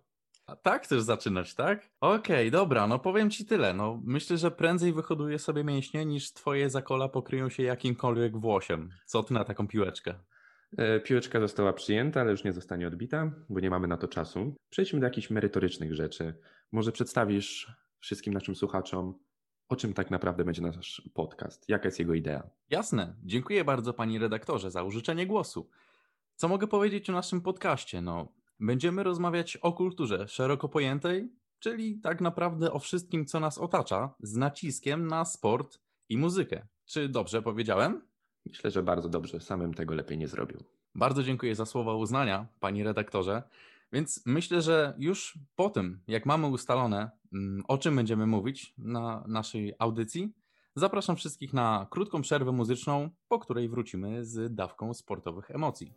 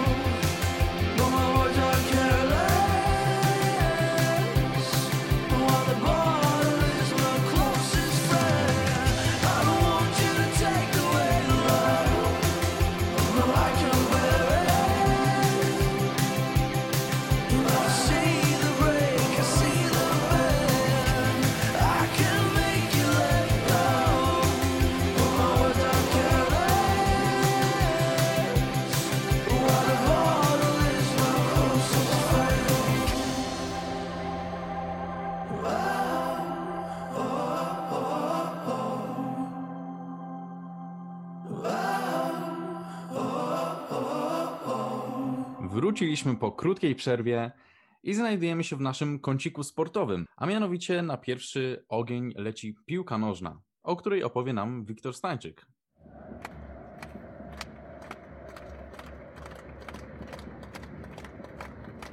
Zgadza się, jesteśmy w kąciku sportowym. Zaczniemy od informacji z kraju. W poniedziałek Legia rozegrała bardzo dobry mecz z Wartą Poznań, ponieważ wygrała 3-0. Jednak cała uwaga skupiła się na słowach, jakie Michniewicz wypowiedział podczas pomeczowej konferencji. Szkoleniowiec mistrzów Polski wyznał, że przed rozgrywką Igor Lewczuk zgłosił gorączkę, a w przerwie meczu Tomasz Peckhardt poinformował o braku węchu oraz że było mu bardzo zimno. Trener dodał, że Legia spodziewa się najgorszego, to znaczy zakażenia koronawirusem. Podziękował również swojemu obrońcy, że zagrał. Ostatecznie cała historia dobrze się zakończyła. Obaj piłkarze przeszli we wtorek testy na obecność koronawirusa, a ich wyniki były negatywne. Nie zmienia to faktu, że jeśli prawdą są pierwsze pomeczowe wypowiedzi, to zasady zostały złamane. Piłkarze z jakimikolwiek objawami budzącymi niepokój nie mają prawa grać, co jest zapisane w procedurach stworzonych przez zespół medyczny. Ale tak w ogóle, czy uważasz, że Michniewicz dobrze postąpił, e, wypuszczając ich w tym meczu? Wiesz co, no zastanawiałem się nad tym, jak w ogóle do tego doszło i co miał trener Michniewicz w głowie, wyprowadzając zakażonych e, koronawirusem zawodników Legii na boisko. No w zasadzie okazało Może- się, że, że jednak nie zakażonych, no ale tak, no, no z objawami, to prawda. No tak, z objawami. No i szczerze mówiąc, no równie dobrze mogli być oni zakażeni, no nie? No nie wiedzieliśmy tego i No myślę, tak, że tak, tak. cały zarząd Legii też nie wiedział. No nie ukrywam, nie było to odpowiedzialne, ale troszkę może ucieknę od odpowiedzi i przytoczę tutaj takiego mema, którego zobaczyłem w internecie, którego mi podesłałeś ostatniego wieczoru, e, gdzie trener Michniewicz jest wklejony w scenę z chłopaków z baraków. No i zdjęcie podpisane jest tak. Niektórzy mówią, że nie można grać jak się ma COVID, ale to nieprawda. Można, tylko się tego nie zgłasza. Na tym polega odpowiedzialność. No to dobre, Myślę, no tak, że- faktycznie, A dobre. to dobre. No i To myślę, że tak ci odpowiem na to pytanie. Ale dziękuję Ci bardzo za odpowiedź. No ale dobra, jeśli poruszamy się po klubowych problemach, to nie można wspomnieć o perturbacjach hiszpańskiego giganta. A o kim tak naprawdę mowa? No oczywiście o Barcelonie, która od dłuższego czasu boryka się z pewnymi problemami. Po pierwsze, Messi już latem chciał odejść. Potem domagano się dymisji Bartomeu, czyli niedawnego prezydenta Barcelony. W międzyczasie szeregi Barcy zasilił nowy trener Ronald Koeman. Obecna sytuacja nie jest jednak lepsza, ponieważ pojawiają się kolejne głosy, że Leo Messi może odejść już tej zimy do Manchesteru City. Kolejnym problemem Blaugrany jest stojące nad nią widmo bank- bankructwa, które jest wynikiem rządów wcześniej wspomnianego prezydenta klubu. Barca nie radzi, nie radzi sobie także najlepiej na boisku, ponieważ w ostatnich meczach zdobyła jedynie 2 na 12 możliwych punktów. Jedynym pocieszeniem dla kibiców jest dobra postawa zespołu w rozgrywkach Ligi Mistrzów, gdzie zespół z Katalonii jest liderem w swojej grupie i wkrótce może zwiększyć swoją przewagę nad rywalami. Mam do Ciebie też kolejne pytanie. Czy myślisz, że oni mają jakąkolwiek realną szansę na prawdziwe odrodzenie, jak niczym Feniks z popiołu? No, sytuacja w Barcelonie naprawdę nie jest korzystna, bo z potęgi, jaką była Katalonia w europejskiej y, czołówce piłkarskiej, y, zrobił się tak naprawdę średniak. No, zważając na to, co zrobili z transferami, co robią z budżetem, jakie wyniki osiągają y, w lidze, w meczach. No, przypomina mi to trochę sytuację AC Milanu, który był kiedyś potęgą, później troszkę przygasł, zważając na fakt taki, że mieli też problemy finansowe, a teraz widać, że się odradzają. A wiesz co, to ciekawe co mówisz, więc przenieśmy się bardzo szybko z Hiszpanii do Włoch, czyli do Serie A, której na naszych oczach odradza się wielka europejska legenda. Mówimy oczywiście o wspomnianym Milanie, który notuje wyśmienite występy, nie przegrywając żadnego meczu od początku sezonu. Przypomnijmy, że drużyna z Mediolanu to osie- 18-krotny mistrz kraju, a także zdobywca siedmiu pucharów Ligi Mistrzów. Jednak przez problemy finansowe klub stracił na wartości na kilka dobrych lat. Teraz jednak piłkarze rozbudzili w kibicach nadzieję na kolejne sukcesy, wygrywając w rozgrywkach ligowych oraz w Lidze Europy. Drużyna z San Siro pod wodzą Stefano Piolego znacznie odmłodniała, ponieważ średnia wieku piłkarzy to zaledwie 24 lata. Można zadać pytanie, jak więc zapanować nad tak młodymi piłkarzami? Jak połączyć ich w prawdziwy zespół? I tu właśnie pojawia się kolejna sensacja, którą jest postać Zlatana Ibrahimowicza. Słynny szwedzki napastnik był jedną z największych gwiazd jeszcze przed problemami finansowymi klubu. Po latach nieobecności we Włoszech wrócił do Mediolanu, aby wesprzeć nowy Milan. Warto też dodać, że Zlatan nie należy do najmłodszych, ponieważ ma 39 lat, a mimo to nadal zachwyca kibiców, strzelając bramki, dzięki czemu jest obecnie liderem klasyfikacji strzelców Serie A. A na koniec mam dla Was taką ciekawą informację odnośnie Ibry. Kilka dni temu umieścił na swoich socialach swoje zdjęcie w koszulce reprezentacji Szwecji z podpisem Long Time No See. Czyżby Zlatan Ibrahimowicz planował powrót do kadry narodowej? A jeżeli tak, to kiedy? No cóż, czas pokaże. A teraz odpocznijmy od piłki i posłuchajmy muzyki.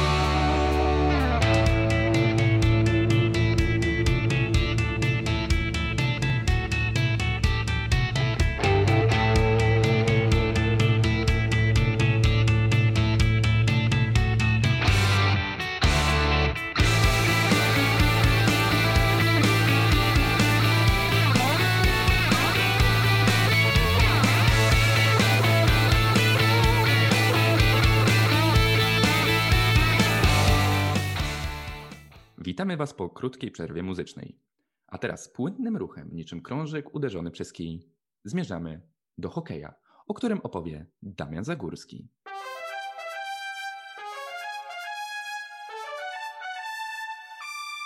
Tak jest, moi drodzy, przyszedł czas na hokej na lodzie. Myślę, że idealną postacią, która by połączyła te dwa światy, piłkarski i hokeja na lodzie, będzie Mark Messier. Był on kapitanem drużyny New York Rangers, z którą szósty i ostatni dla siebie raz zdobył Puchar Stanleya w lidze NHL. Dlaczego o nim wspominam? No, jest to typ zawodnika, nazwijmy to lidera. Nawet gdy nie świeci statystykami i nie pokazuje się jakoś bardzo na lodowisku, no to czuć jego obecność wśród kompanów na, na lodowisku i czuć, jaki ogromny wpływ ma na grę swojej drużyny właśnie taki lider. Porównuję to do Zlatana Ibrahimowicza, który właśnie też jest liderem no, w AC Milanie. No, wspominamy sobie mecze, które oglądaliśmy razem z Wiktorem, gdzie Zlatana nie było. Bo był zakażony koronawirusem. I mecz wyglądał zupełnie inaczej niż wtedy, kiedy on był mm, obecny na boisku. Zgadzasz się ze mną?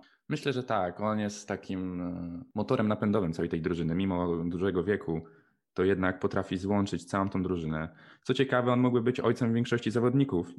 I dlatego myślę, że wypracował sobie, znaczy w zasadzie nawet nie musiał wypracowywać sobie tej pozycji w drużynie, ponieważ każdy go tam e, ogromnie szanuje.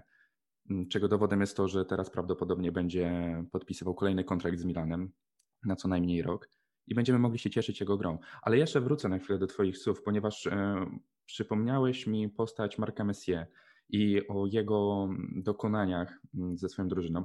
Przypomnisz mi, w którym to było roku? Jasne, jeśli chcesz taki, mm, taki obraz tego zawodnika, no to może przedstawię niekoniecznie od ostatniego pucharu, który zdobył, ale przedstawię też dla ogólnego zobrazowania, jak ważną postacią dla hokeja był, bo Mark Messier no jest bardzo ważną postacią w NHL. Jest pięciokrotnym zwycięzcą ligi NHL, zdobył pięć razy Puchar Stanleya w barwach klubu Edmonton Oilers, a szósty i ostatni dla siebie raz zdobył zwycięstwo w drużynie New York Rangers. I to było w sezonie 1993-1994. No dobra, ale skąd masz taką wiedzę, jak ciebie wtedy nawet na świecie nie było? A, no to może przytoczę też taką ciekawą anegdotkę, bo niewiele osób wie, a myślę, że to ta nasza pierwsza audycja jest wspaniałą okazją do tego, żeby coś o nas słuchacze się dowiedzieli. Oczywiście. Mm, Mianowicie czegoś się dowiedzieli.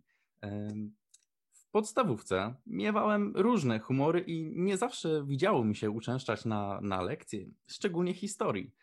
I tak streszczając, żeby nie opowiadając całego mojego przejścia przez y, ten etap w życiu, powiem tyle, że zamiast zdawać egzamin szóstoklasisty z takich przedmiotów jak historia, matematyka i tak dalej, ja wybrałem sobie przedmiot historia hokeja. No, nauka nie poszła na marne.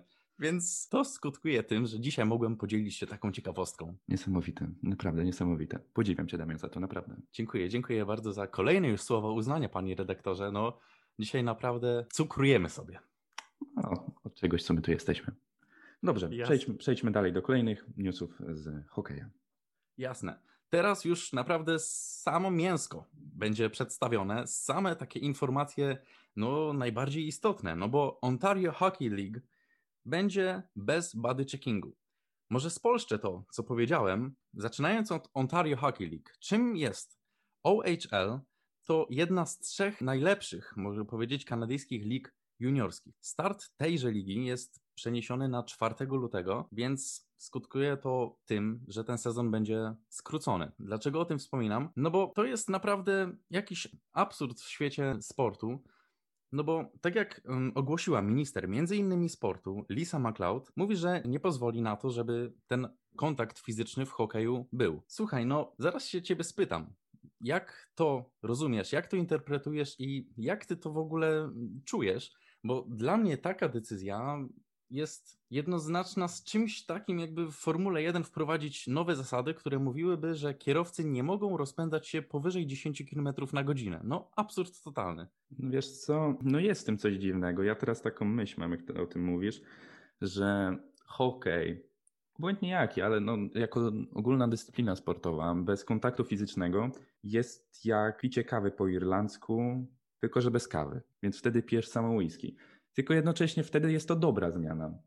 I jeśli mówimy tutaj o zmianie, to moim zdaniem to już nie powinien nazywać się hokej. To powinno się, nie wiem, nazywać pici polo na małe bramki. Tak, tak, tak. No właśnie powiem Ci, bardzo słuszna uwaga. No to nie powinno się nazywać już hokej. I może tym samym rozwiązaliśmy zagadkę. Właśnie nikt nie wiedział za czasów szkoły podstawowej, kiedy to się na WF przychodziło i zaczynało się zamiast dzień dobry, to zaczynało się pytaniem kie- skierowanym do WF-istów, przepana, przepani, a w co będziemy grać? No i wtedy na ogół padała odpowiedź albo w pici polo na małe bramki, Albo na albo w bosaka. pici po, albo na bosaka, albo w pici polo na zakręcie. Takie też jeszcze. Tak. No i nikt nie wiedział o co chodzi. Tyle lat musieliśmy czekać i chyba właśnie dowiedzieliśmy się, czym jest ta dyscyplina pici polo na małe bramki. Myślę, że tak. Nie dość, że przekazujemy wiedzę, to rozwiązujemy zagadki. Oczywiście. Taka decyzja uwarunkowana jest tym i ujrzała światło dzienne, dlatego że w Ontario, czyli w jednej z wielu prowincji Kanady, koronawirus rozprzestrzenia się w- naprawdę w zabójczym tempie i przez to do takich sytuacji może dojść. Jednakże jest nadzieja, bo premier Ontario, a mianowicie Doug Ford, na Twitterze napisał, że chce, by wejścia ciałem były dozwolone, więc współczuję władzom Ontario, panuje tam kompletny chaos informacyjny i tak naprawdę ludzie są podzieleni, no bo z jednej strony ważne jest bezpieczeństwo, ale z drugiej strony czy hokej bez kontaktu fizycznego nie byłby profanacją? Zobaczymy, co czas przyniesie. A teraz zmierzamy do najlepszej ligi hokejowej świata, czyli NHL. Elliot Friedman, czyli kanadyjski dziennikarz, a także reporter hokejowy dla Sportsnet, na Twitterze napisał, że sezon nie rozpocznie się 1 grudnia, tak jak było to planowane. Początek sezonu jest przełożony na 1 stycznia 2021 roku. Niestety sezon ten też będzie skrócony. Z kolejnych niemiłych informacji jest to, że dwa hokejowe święta, takie jak Winter Classic, czyli rozgrywany na otwartych stadionach mecz, który miał się odbyć właśnie 1 stycznia, na Target Field w Minneapolis, gdzie o ligowe punkty mieli zmierzyć się Minnesota Wild z St. Louis Blues, niestety nie odbędzie się. Kolejny sezon nie będzie miał w swoim grafiku takiego święta. Tak samo z NHL All-Star Game, zaplanowany na 30 stycznia, też jest odwołany. Wszystko w celach bezpieczeństwa i wszystko dla dobra wszystkich ludzi, wszystkich kibiców. Smutno jest głosić takie informacje, ale miejmy nadzieję, że jeszcze nie raz wspomnimy sobie, jak to było w normalnym świecie i spotkamy się na stadionach, na boiskach, na halach, na lodowiskach, wszyscy koło siebie bez maseczek i będziemy mogli wspierać swoje ulubione drużyny. A teraz zapraszam na krótką przerwę muzyczną.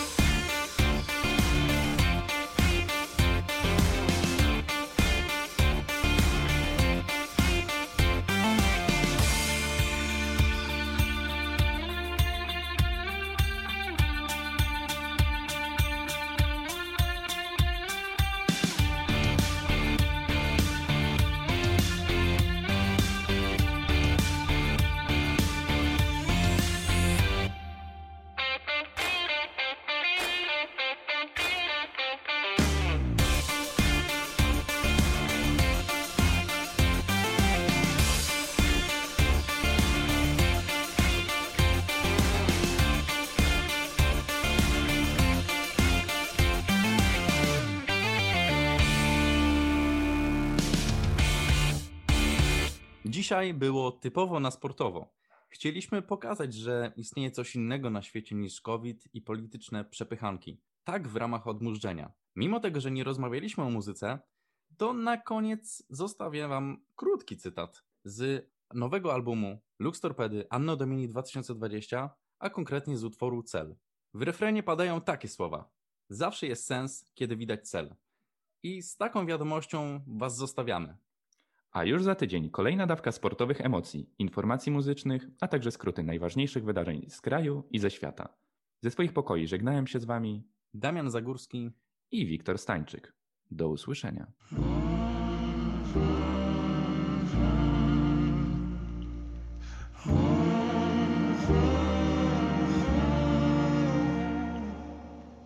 You're the only brings me comfort, so won't you please calm me down?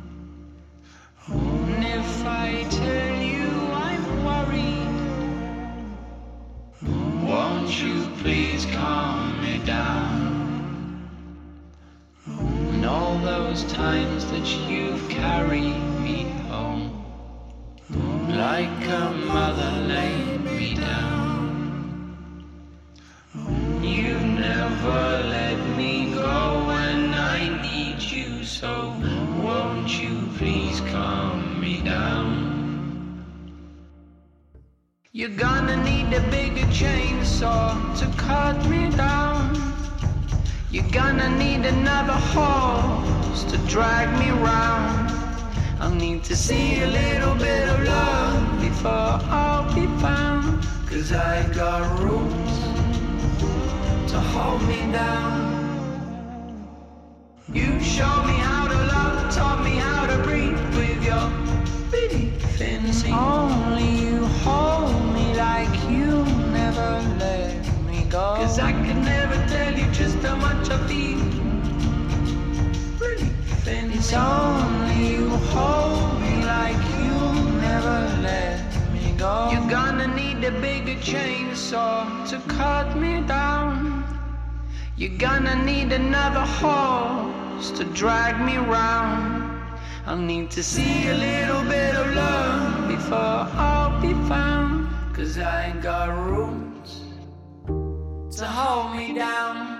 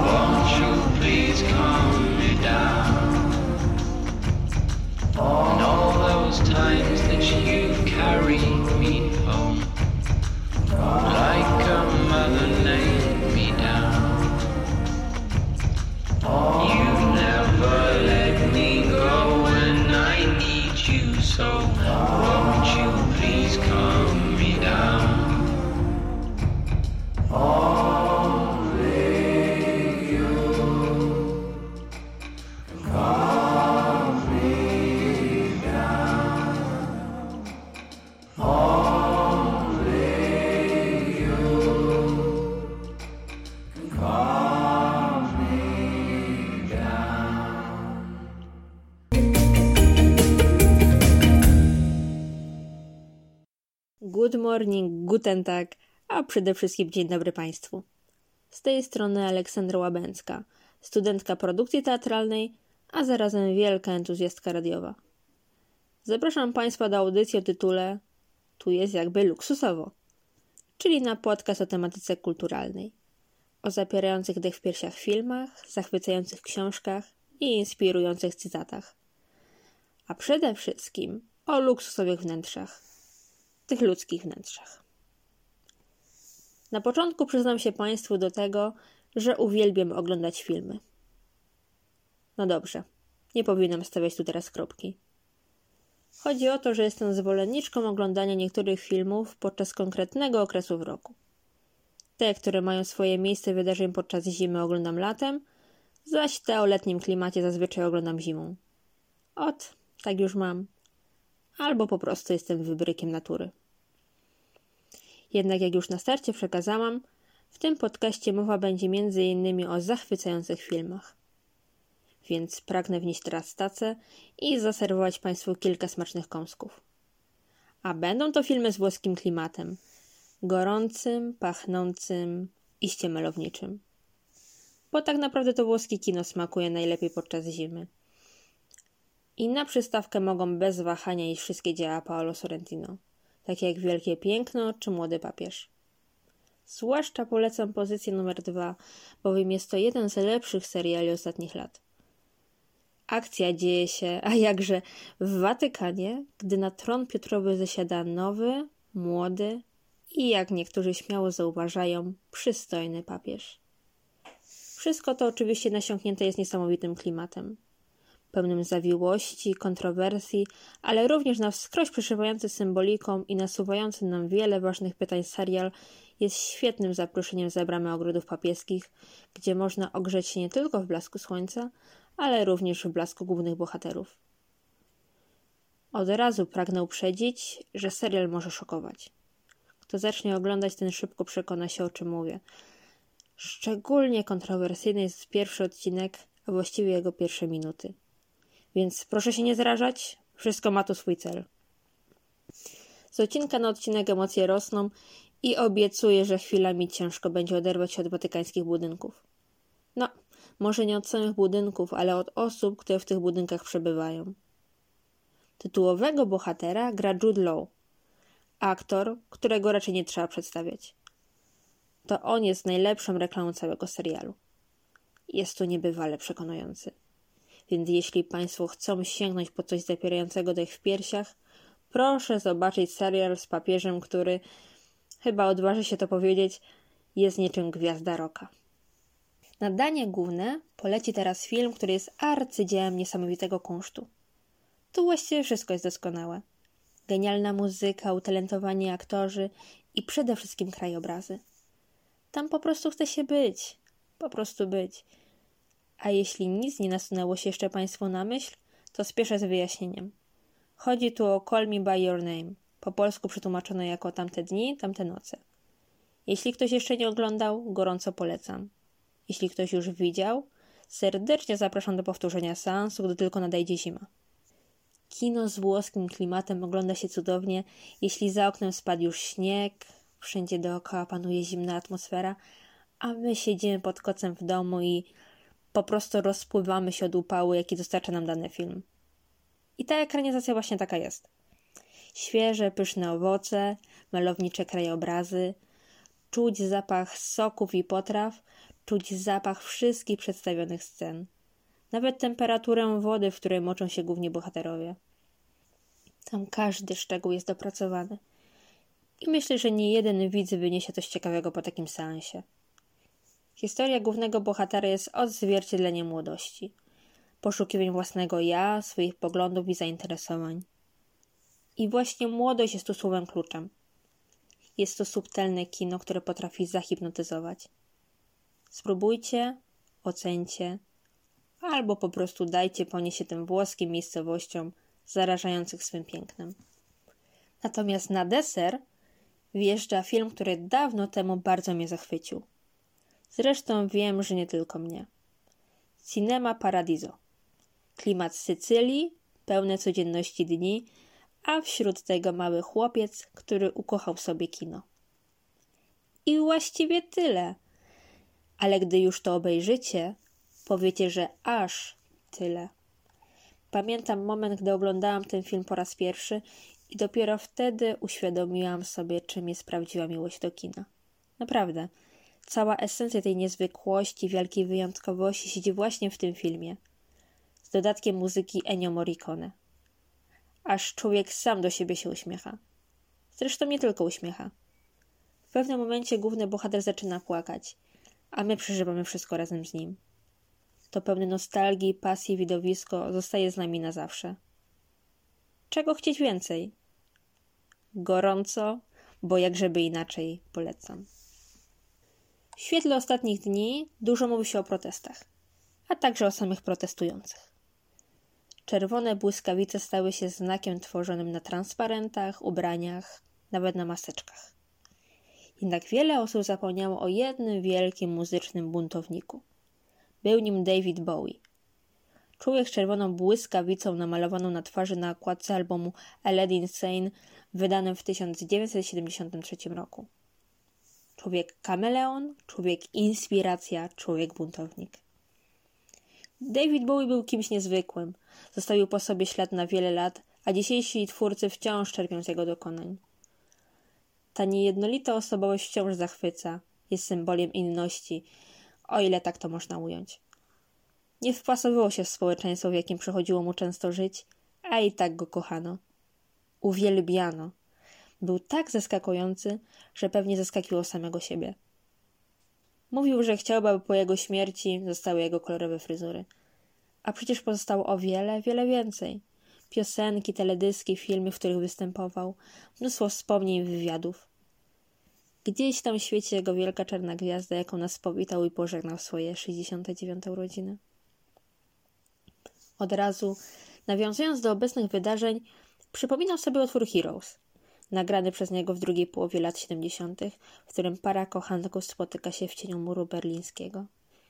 Jest to utwór o determinacji, o sile, o pragnieniu wolności, bo przecież nic tak nie dzieli ludzi jak mury. I te prawdziwe, i te metaforyczne. Nawiązując do poprzedniego tematu, dokładnie do Davida Bowiego, jego ogromnym fanem, co daje o tym znać przy każdej możliwej okazji, jest Krzysztof Zalewski. Muzyk, który ostatnio święci muzyczne triumfy i który niedawno wypuścił w świat piosenkę Annuszka. Pewnie wielu z Państwa pomyślało w tej chwili o Mistrzu Małgorzacie. Ale tak, zgadza się. Mistrz i Małgorzata stanowiło natchnienie do stworzenia tej piosenki, a także spektakl poświęcony Robertowi Brylewskiemu pod tytułem Złota Skała. To właśnie tam padło pytanie, a co jeśli zostało nam tylko pięć minut życia? Co oczywiście również zamieścił Krzysztof Zalewski w swoim tekście. Co jeśli zostało nam tylko pięć minut życia? Czas niewielki. Ledwie byśmy zdążyli się zastanowić, co powinniśmy zrobić, a czas by już minął. Co jeśli zostało nam tylko pięć minut życia? Ostatni łyk kawy zaraz przed wiecznym zaśnięciem. Ulubiona piosenka, stare wspomnienia, myśli o niespełnionych marzeniach i miłościach.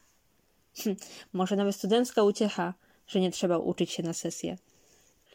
Pamiętam te informacje płynące ze świata, jak to podczas koronawirusa ludzie rzucili się do bankomatów, aby wypłacić pieniądze. Bili się o papier toaletowy, mąkę oraz masło. Natomiast w Ameryce spora liczba osób zakupiła broń. Wieczna walka o czas i bezpieczeństwo. W popkulturze roi się od nawiązań do apokalipsy. A to nas coś zaleje, a to nas jedzą dziwne stwory, a to nas porwą kosmici. Wszystko dzieje się w mgnieniu oka. Zresztą apokalipsa sama w sobie była z nami od zawsze. Od pradziejów ludzie bali się końca świata. Ile teorii, ile wróżb, ile różnorodnych myśli siedziało w głowach całych pokoleń. Powstało wiele książek, filmów i piosenek o takiej tematyce. Powstało i myślę, że powstawać będzie. Z doświadczenia wiemy, że los nas potrafi zaskakiwać. I chyba raczej nie ma recepty na to, jak się zabezpieczyć przed odgórnym zagrożeniem. W kalendarzu też nie ma wydrukowanej daty z podpisem koniec świata, takiej wielkiej daty otoczonej czerwonym kółkiem. Kastracja kota zaplanowana na wtorek, a już w niedzielę musisz umrzeć. Słabo. Co za szkoda. Oczywiście tak sobie tylko żartuję. W obecnych czasach pandemii raczej nieprzychylne jest żartować o śmierci. Ale wracając do tematu. Pamiętacie scenę z Casablanki i tekst Pocałuj mnie, Rick. Pocałuj, jakby to był nasz ostatni raz? Może więc po prostu. Kochajmy się w tych trudnych czasach. Jakkolwiek trywialnie to nie brzmi. Ponoć miłość zwycięża wszystko. Przynajmniej tak mi ktoś kiedyś powiedział w kuluarach. Nigdy nie byłam zwolenniczką apokaliptycznych myśli. I państwa też nie chcę zostawić z takimi myślami. A na pewno nie dziś. Co jeśli nam zostało pięć minut życia? W sumie to nic. Żyje się dalej. Trzymajcie się ciepło, dbajcie o siebie, o swoich bliskich, dbajcie o świat, o ekologię. Dziękuję za uwagę. Aleksandra Łabęcka.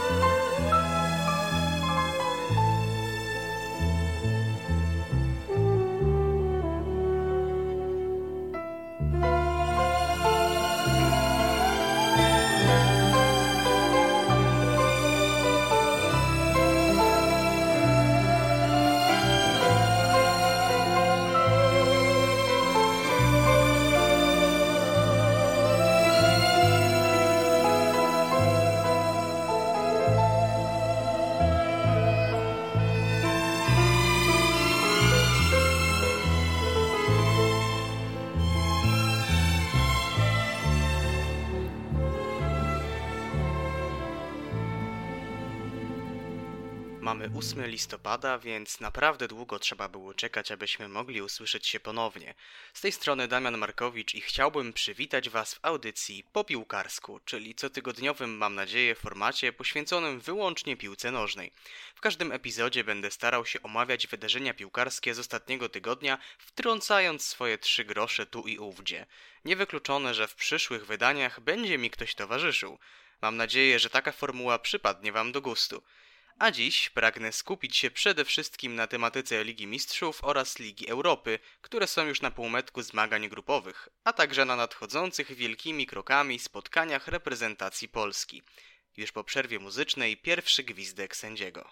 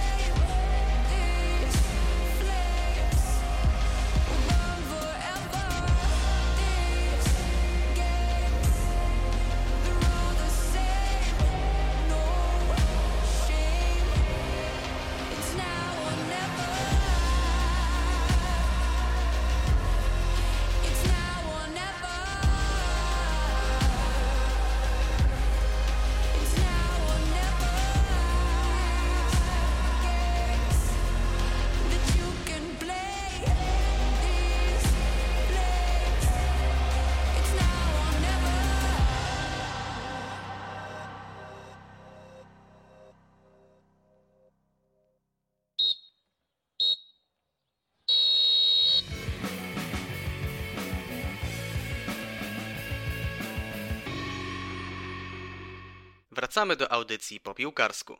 Sportową część Uniwersytetu Łódzkiego na fali otworzą tematy Ligi Mistrzów oraz Ligi Europy. Z wiadomych względów kibic piłki nożnej po swego rodzaju poście w ostatnich miesiącach teraz może nadrabiać zaległości ze zdwojoną siłą. Natłok spotkań jest z pewnością jatką dla fanów, może nieco mniejszą dla piłkarzy zmuszonych do gry co 3-4 dni. Niemniej jednak połowa fazy grupowej popularnych Kaszanki oraz Pucharu Pocieszenia jest już za nami, więc chętnie przyjrzę się rozegranym dotychczas spotkaniom z naciskiem na test trzeciej kolejki. Mecz grupy A, Lokomotiv Atletico, był jednym z dwóch spotkań rozegranych o godzinie 19. Dla rosyjskiego zespołu był to mecz ostatniej szansy, bowiem ewentualna porażka wygenerowałaby stratę już 5 punktów do miejsca drugiego, dającego awans. Wbrew pozorom drużynie Grzegorza Krychowiaka i Macieja Rybusa udało się postawić ekipie Diego Simeone i zdobyć punkt w tym meczu. Atletico, mimo że jest oczywiście drugie w tabeli swojej grupy, na pewno mogło wystartować lepiej. Mam tu szczególnie na myśli porażkę 0 do 4 z Bayernem, głównym rywalem z grupy. Bawarski zespół nie bez problemów pokonał austriacki Red Bull Salzburg, nazywany na potrzeby Ligi Mistrzów FC Salzburg 2 do 6. Wynik zdaje się mówić o dużej dominacji obrońców tytułu, lecz statystyki są już bardziej wyrównane. Udział w tej wygranej miał oczywiście Robert Lewandowski, autor dwóch bramek. Mimo wszystko na ten moment ekipa Hansiego Flicka jest prawdziwym walcem i rozjeżdża każdego, kto się napatoczy. Sytuacja w grupie A mówi jasno. Bayern zatriumfuje i niewykluczone, że jeszcze powiększy już i tak dużą, bo pięciopunktową przewagę nad drugim Atletico. Lokomotivowi i Salzburgowi pozostaje, zdaje się, walka o fazę pucharową Ligi Europy. Grupa B, czyli ta z najbardziej zaskakującymi wynikami. Po fatalnym spotkaniu z Szachtarem, który przypomnijmy był zdziesiątkowany przez wirusa, i przeciętnym z Borussią Mönchengladbach, Real Madryt nareszcie wyszedł z potyczki zwycięsko. Mecz stał na naprawdę wysokim poziomie. Piłkarze ze stolicy Hiszpanii wygrali 3 do 2 z Interem, lecz ozdobą tego pojedynku była znakomita asysta piętą w wykonaniu Nicolo Barelli. Jeżeli ktoś nie widział, serdecznie polecam. W drugim spotkaniu tej grupy Borussia rozgromiła Szachter aż 6 do 0 i sensacyjnie po trzech meczach to ona jest jej liderem. Na razie zawodzi Inter, który uzyskał jedynie dwa punkty po dwóch wcześniejszych remisach. Sprawa jest tu otwarta i niewykluczone, że w jednej szesnastej zabraknie jednej z dużych piłkarskich marek.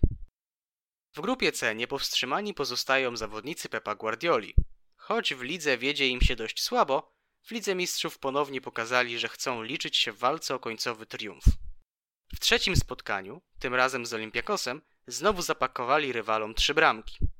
Na ten moment walkę o drugie miejsce w grupie wygrywa FC Porto, które pewnie pokonało Olympique Marsylię 3 do 0. Francuska drużyna powrotu do Ligi Mistrzów z pewnością nie może zaliczyć do udanych. Trzy spotkania, 0 punktów, bilans bramkowy 0 do 7.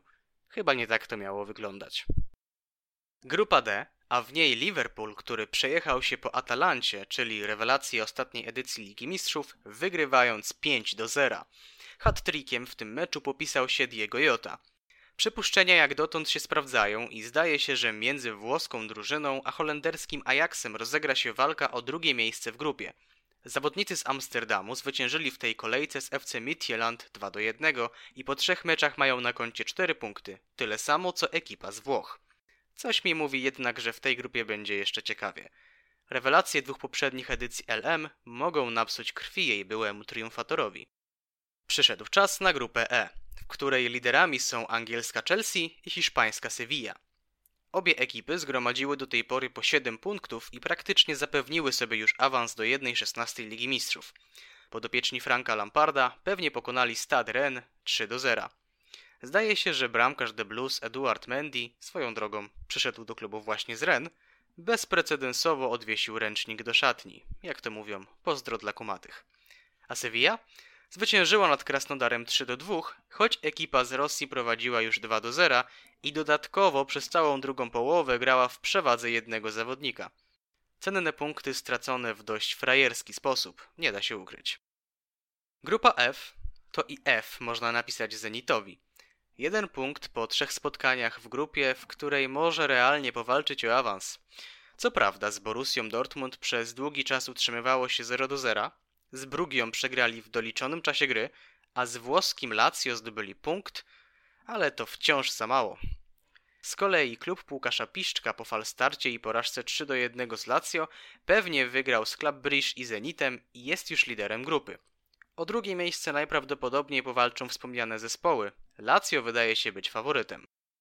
Przedostatnia grupa oznaczona literką G, a w niej Barcelona spisująca się poniżej oczekiwań, choć z kompletem 9 punktów po trzech spotkaniach.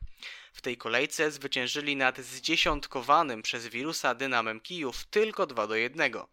Spotkanie było popisem bramkarskim w wykonaniu zarówno Marka Andry Terstegena, jak i zaledwie 18-letniego Rusłana Neszczereta, dla którego był to drugi mecz w dorosłej piłce. Szczerze polecam obejrzeć skrót tego spotkania. Młoko zbronił jak natchniony. Swój udział w postaci bramki mógł mieć Tomasz Kędziora, lecz jego gol po rzucie rożnym nie został uznany, gdyż piłka wcześniej przekroczyła linię końcową boiska. W drugim spotkaniu Juventus pewnie pokonał węgierski Ferencvaros 4 do 1 i stoczy on bój o wygranie grupy z ekipą Ronalda Kumana. Wojciech Szczęsny został pokonany w 90 minucie meczu. I na zakończenie grupa H, której nieco niespodziewanie po dwóch meczach prowadził Manchester United. Angielska ekipa pokonała wcześniej PSG 2 do 1, jak i rozgromiła RB Lipsk 5-0, więc wydawało się, że pojedynek z tureckim Basakszehirem będzie formalnością. A tu proszę, porażka 1-2 i skomplikowanie sobie sytuacji w grupie. Co prawda nadal w niej prowadzą, lecz następna utrata punktów będzie oznaczała poważne tarapaty ekipy Olegu na Rasulszara.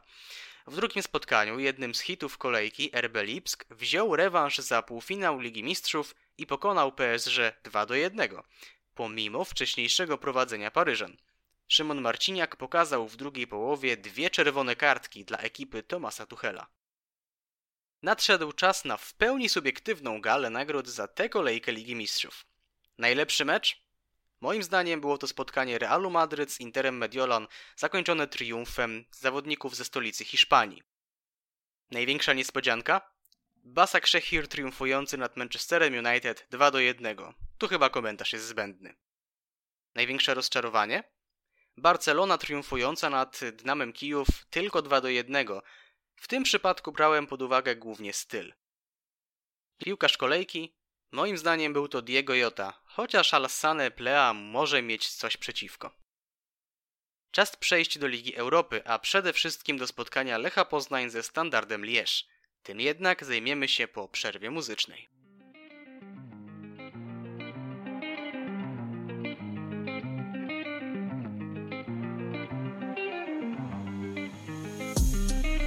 Savage shit. I'm a dog for the money, known the bag a bitch. Doing 105, 55, I'm ahead of this time. Yeah, catch me if you can. Not a man, I'm a catalyst. Manifest success in my mind and then I execute. Shorty said she want me inside, you know I'm heading through. Mad cause you lonely and high, I'm tired of telling you. The shorty, she belong in the streets, I'm looking at you. Yeah, I don't trust the soul, let she know that, yeah. Keep it on the low, yeah, she know that. 2020 Clyde, let it blow back, yeah. Me and my body, yeah, we on that. Uh, she gon' ride it, ride it like a cowgirl, yeah. I'm about my money, she hers, yeah. It's just me and you, there ain't no concern. Working for me slow while the embers burn. She gon' ride it, ride it like a cowgirl, yeah. I'm about my money, she hers, yeah. It's just me and you, there ain't no concern. Working for me slow while the embers burn. I don't trust a soul, let she know that, yeah. 2020 Clyde, let it blow back, yeah. Everybody know that, yeah. It's just me and you, girl, yeah. Can't nobody come between. Everything we done build is more than money and clothes, more than all the liquor. Sipping until we load it. Yeah, I know we saucy, bossing on all opponents. Something about the connection whenever we in the moment. I know you got me, you know I got you, girl. Yeah, I don't trust the soul, let she know that, yeah. Keep it on the low, yeah, she know that. 2020 Clyde, let it blow back, yeah. Me and my body, yeah, we on that. She gon' ride it, ride it like a cowgirl, yeah. I'm about my money, she about hers, yeah. It's just me and you, there ain't no concern. Working for me slow while the embers burn. She gon' ride it, ride it like a cowgirl, yeah. I'm about my money, she about hers, yeah. It's just me and you, there ain't no concern. Working for me slow while the embers burn. Yeah, I don't trust the soul, let she know that, yeah. Keep it on the low, yeah, she know that. 2020 Clyde, let it blow back, yeah. Me and my body, yeah, we on that. She gon' ride it, ride it like a cowgirl, yeah. I'm about my money, she about yeah. It's just me and you, there ain't no concern. Working for me slow while the embers burn. She gon' ride it, ride it like a cowgirl, yeah. I'm about my money, she about yeah. It's just me and you, there ain't no concern. Working for me slow while the embers she gon' ride it, ride it like a cowgirl, yeah. I'm about my money, she about yeah. It's just me and you, there ain't no concern. Working for me slow while the embers. She gon' ride it, ride it like a cowgirl, yeah. I'm about my money, she about hers, yeah. It's just me and you, there ain't no concern. Working for me slow while the embers. Uh, she gon' ride it, ride it like a cowgirl, yeah. I'm about my money, she about hers, yeah. It's just me and you, there ain't no concern. Working for me slow while the embers burn. She gon' ride it, ride it like a cowgirl, yeah. I'm about my money, she about hers, yeah. It's just me and you, there ain't no concern. Working for me slow while the embers burn. Ponownie powracam do waszych głośników. Słuchacie audycji po piłkarsku. Przed przerwą omawiałem Ligę Mistrzów, więc teraz pora skupić się na Lidze Europy. Choć bez wątpienia najwięcej czasu antenowego otrzyma ode mnie Lech Poznań, który w czwartek podejmował belgijski Standard Liège. Przed spotkaniem oba zespoły nie miały na koncie żadnego punktu w swojej grupie. Lech po porażkach 2 do 4 z Benficą i 0 do 1 z Rangersami, co prawda zbierał plusy przy rubryce styl, ale punktów za to niestety nie przyznają. Mecz z Belgami trzeba było po prostu wygrać, aby wciąż mieć realne szanse na walkę o awans. Zwłaszcza, że przyjechali oni do Poznania potężnie osłabieni. Ich podstawowy środkowy obrońca Ginio van Hoesden zerwał więzadła krzyżowe w meczu ligowym, a siedmiu zawodników zostało odizolowanych ze względu na pozytywne testy na koronawirusa. Nieczęsto się to zdarzało w ostatnich latach, ale można było śmiało powiedzieć, że faworytem tego meczu była drużyna z Polski. Poznaniacy rozpoczęli mecz w składzie Bednarek, Czerwiński, Szatka, Rogne, Puchacz, Marchwiński, Moder, Tiba, Skóraś, Ramirez, Isak. Największą niespodzianką było dla mnie umieszczenie Filipa Marchwińskiego, nawet nie tyle na skrzydle, co w ogóle w wyjściowej jedenastce. Młody piłkarz ostatnio gra dość przeciętnie, choć ma momenty efektownej gry. Szczerze mówiąc, spodziewałem się na jego pozycji na przykład Tymoteusza Puchacza, a za jego plecami na lewej obronie Wasyla Krawecia. Kolejosz przez całą pierwszą połowę starał się grać tak, jak nas do tego przyzwyczaił. Ofensywnie, odważnie, bez skrępowania. Momentami skutkowało to jednak dużą przestrzenią w środku pola. Niemniej jednak to Lech dominował, co zostało potwierdzone w 14 minucie za sprawą bramki Michała Skórasia. Poznaniacy na tym nie poprzestali i już 8 minut później było 2 do 0 po golu Mikaela Isaka. Potem przyszedł niestety moment rozprężenia, co poskutkowało groźnym strzałem zawodnika standardu Lierz i pechem Filipa Bednarka. Piłka po uderzeniu w słupek odbiła się od pleców interweniującego bramkarza. Akcję z odległości kilku centymetrów wykończył Maxime Lestien. Chwilę później Lech mógł wszystko roztrwonić, ponieważ karygodny błąd zanotował Bednarek. Piłka po jego przyjęciu odskoczyła mu zdecydowanie za daleko, lecz w zamieszaniu szczęśliwie ostatecznie wylądowała w dłoniach bramkarza. Do przerwy wicemistrz Polski prowadził 2 do 1. Tuż po przerwie, wierząc w słowa zawodników Lecha, polska drużyna miała kontynuować ofensywny styl gry i starać się jak najszybciej zdobyć trzecią bramkę. Myślę, że 3 minuty po wznowieniu gry to dostatecznie szybko. Mikael Isak zdobył swoje drugie trafienie i ustalił wynik tego spotkania na 3-1. Nie zmienił się on już do końca, chociaż było bardzo blisko w 66 minucie. Szwed mógł skompletować hat-tricka, lecz piłce zabrakło kilku centymetrów do pełnego przekroczenia linii bramkowej. Podsumowując, Lech w tym spotkaniu był zdecydowanie lepszym zespołem. Podobnie jak z Charleroi nie pozwolili Belgom rozwinąć skrzydeł. Trzeba jednak pamiętać, że w rewanżowym spotkaniu najprawdopodobniej standard nie będzie już tak osłabiony, więc kolejorzowi powinno być zdecydowanie trudniej o ponowną wygraną. W drugim spotkaniu grupy D Benfica zremisowała z Rangersami 3 do 3, choć już w 19 minucie czerwoną kartkę otrzymał Nicolas Otamendi. Szkoci wypuścili wygraną z rąk pomimo wygrywania 1 do 3 na 13 minut przed końcem spotkania. Na półmetku zmagań w Lidze Europy Lech zajmuje w swojej grupie trzecie miejsce z trzema punktami, zanim plasuje się Standard Liège bez punktu i praktycznie bez szans na awans do fazy playoff. Na czele Rangers i Benfica po 7 punktów. Przed startem fazy grupowej obstawiałem 5 punktów dla Lecha po 6 spotkaniach i wcale nie muszę się pomylić. Choć oczywiście chciałbym, by było ich jak najwięcej. Jeśli Lech chce awansować, musi przede wszystkim pokonać albo Benfikę, albo Rangersów, o drugim zwycięstwie nad standardem nie wspominając. Wykonalne, ale na pewno trudne. Z innych spotkań Ligi Europy na pewno trzeba wyróżnić porażkę Milanu 0-3 z francuskim Lille. Porażkę dość szokującą, bo Milan ma najlepszy start w lidze od paru ładnych sezonów. Moją uwagę przykuł również triumf Slawi Praga nad Niceą 3-2, a także festiwal goli w Wiedniu, gdzie Rapid pokonał Dundalk 4-3. Zostawmy już europejskie puchary w spokoju. Przecież zbliża się wielkimi krokami przerwa reprezentacyjna i to właśnie o polskiej reprezentacji będzie następne kilkadziesiąt minut. Zostańcie z nami.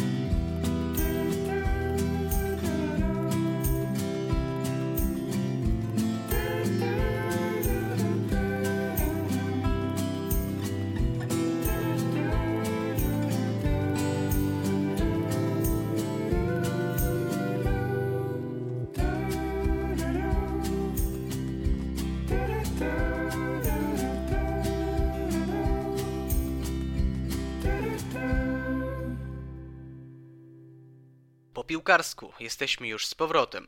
Czas podjąć temat zbliżających się spotkań kadry narodowej. Po październikowym zgrupowaniu, jednym z nielicznych, które można zapisać na plus naszej kadrze pod względem stylu, apetyty kibiców są zapewne rozbudzone. Nie ma co się dziwić, bo w końcu to Polska jest liderem grupy A w Lidze Narodów, która składa się przecież jeszcze m.in. z Holandii i Włoch.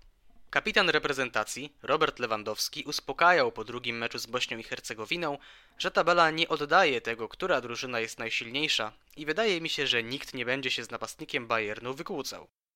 Co ciekawe, wbrew wszelkim opiniom wcale nie mamy jeszcze zagwarantowanego utrzymania w dywizji A.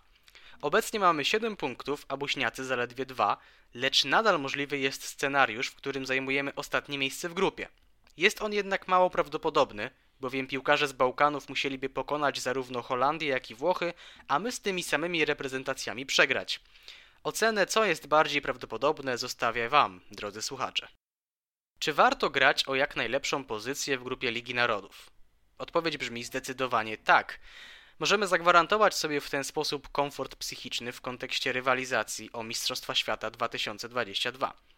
Dwie najlepsze drużyny z Ligi Narodów, które w swoich grupach nie zajmą żadnego z dwóch pierwszych miejsc, zagrają w spotkaniach barażowych razem z drugimi miejscami tychże grup.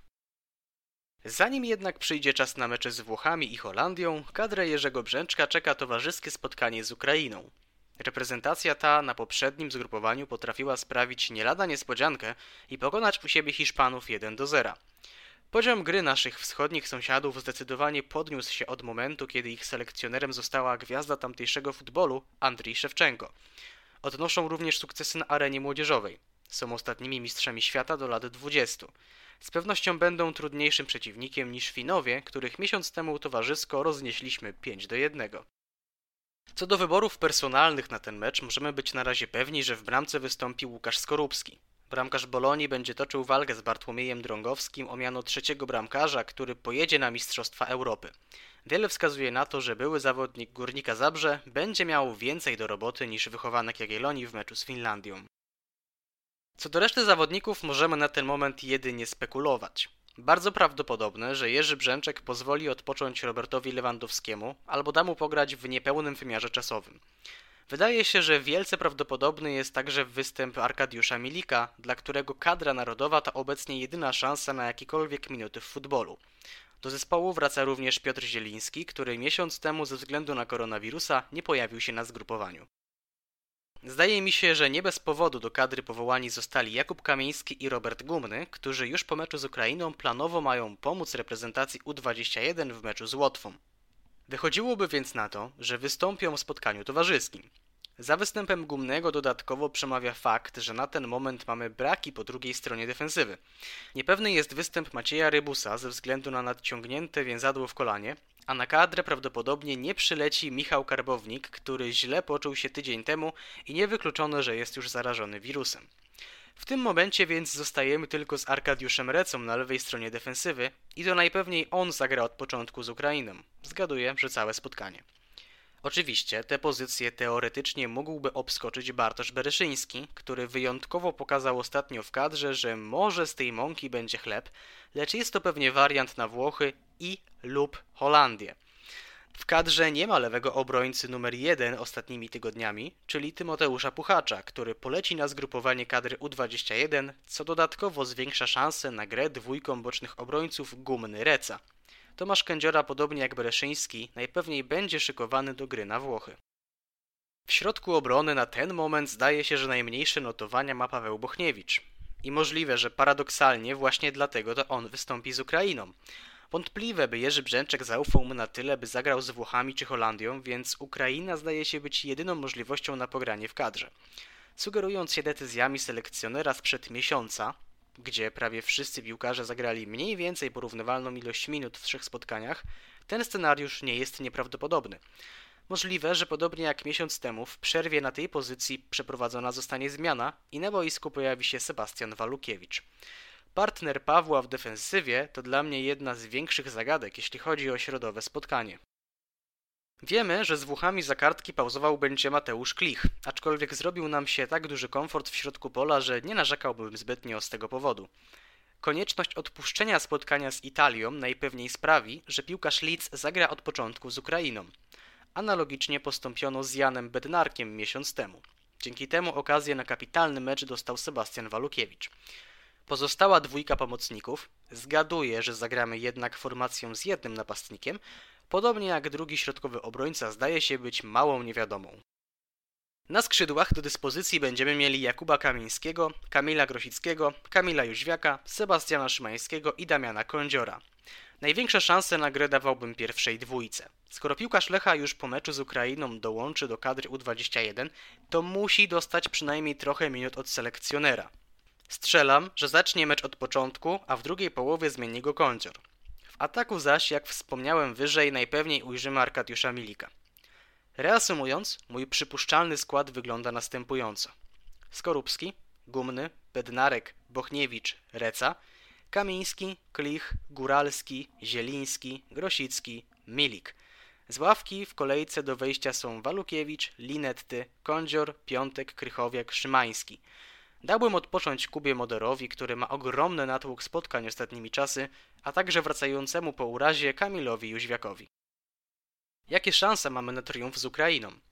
Przede wszystkim to nie wynik będzie w tym meczu najistotniejszy, ale na papierze wydajemy się być faworytem. Nie spodziewałbym się jednak takiego gradu goli jak z Finlandią, a raczej wynik typu 2 do 1, bo to, że będą bramki zdaje się być oczywiste, w końcu mecze towarzyskie to także eksperymenty w formacji defensywnej. Poza tym to będzie i tak tylko przetarcie do spotkania z Włochami i Holandią.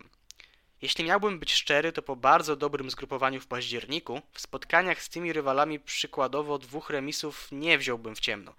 Fajnie byłoby zobaczyć polską reprezentację, która wygrywa z naprawdę klasowym przeciwnikiem, bo takich obrazków nie oglądaliśmy już chyba od pamiętnego meczu z Niemcami z 2014 roku. Poza tym tej kadrze przyda się jakiś moment przełomowy, który pozwoli im dodatkowo uwierzyć w swoje możliwości. Czy moje przypuszczenia się potwierdzą? Przekonamy się już w środę. Spoglądam na zegarek i chyba już dostatecznie długo raczę was moimi monologami. To by było na tyle, jeśli chodzi o pierwsze po piłkarsku. Dziękuję wam bardzo za uwagę. Mam nadzieję, że nie usnęliście tam po drugiej stronie. Słyszymy się już w przyszłym tygodniu. Podsumujemy sobie wtedy spotkanie z Ukrainą i porozmawiamy o meczu z reprezentacją Włoch. Trzymajcie się i do następnego.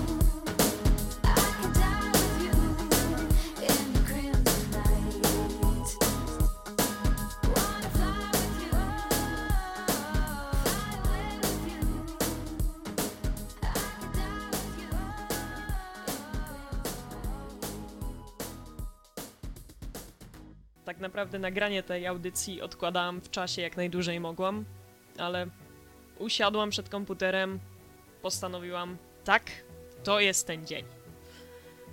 A więc zaczęłam zadawać sobie takie podstawowe pytanie: co tak naprawdę chcę skomentować?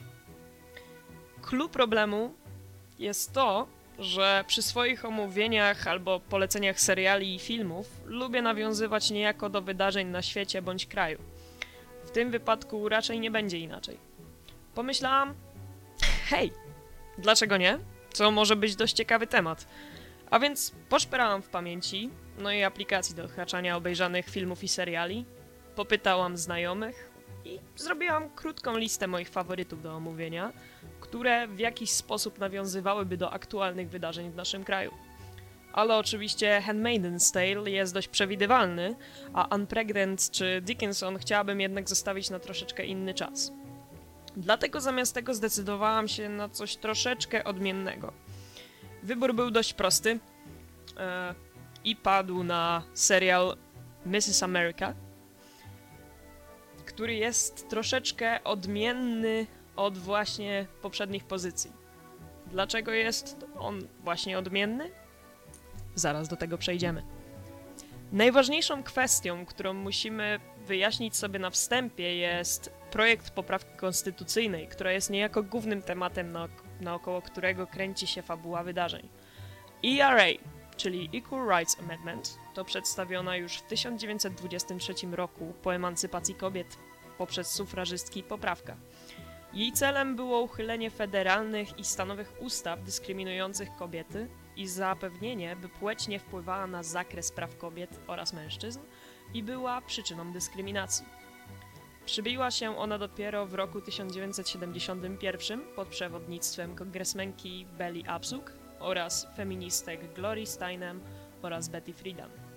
Jednym z głównych opozycjonistów została organizacja pani Schlafly Stop ERA, zrzeszająca kobiety przeciwne wprowadzeniu poprawki do konstytucji. Jest to tak naprawdę, można powiedzieć, podstawowa lekcja historii, która będzie nam potrzebna do jakichkolwiek dalszych rozważań nad serialem i wydarzeń w nim przedstawionych. A więc zacznijmy od tego, że jedną z takich rzeczy, które bez czytania uprzednio opisu, oglądania trailera przed premierą, dość mocno zachęcił mnie do czekania na pierwszy odcinek. Obsada. A właściwie to, przepraszam, znakomita obsada.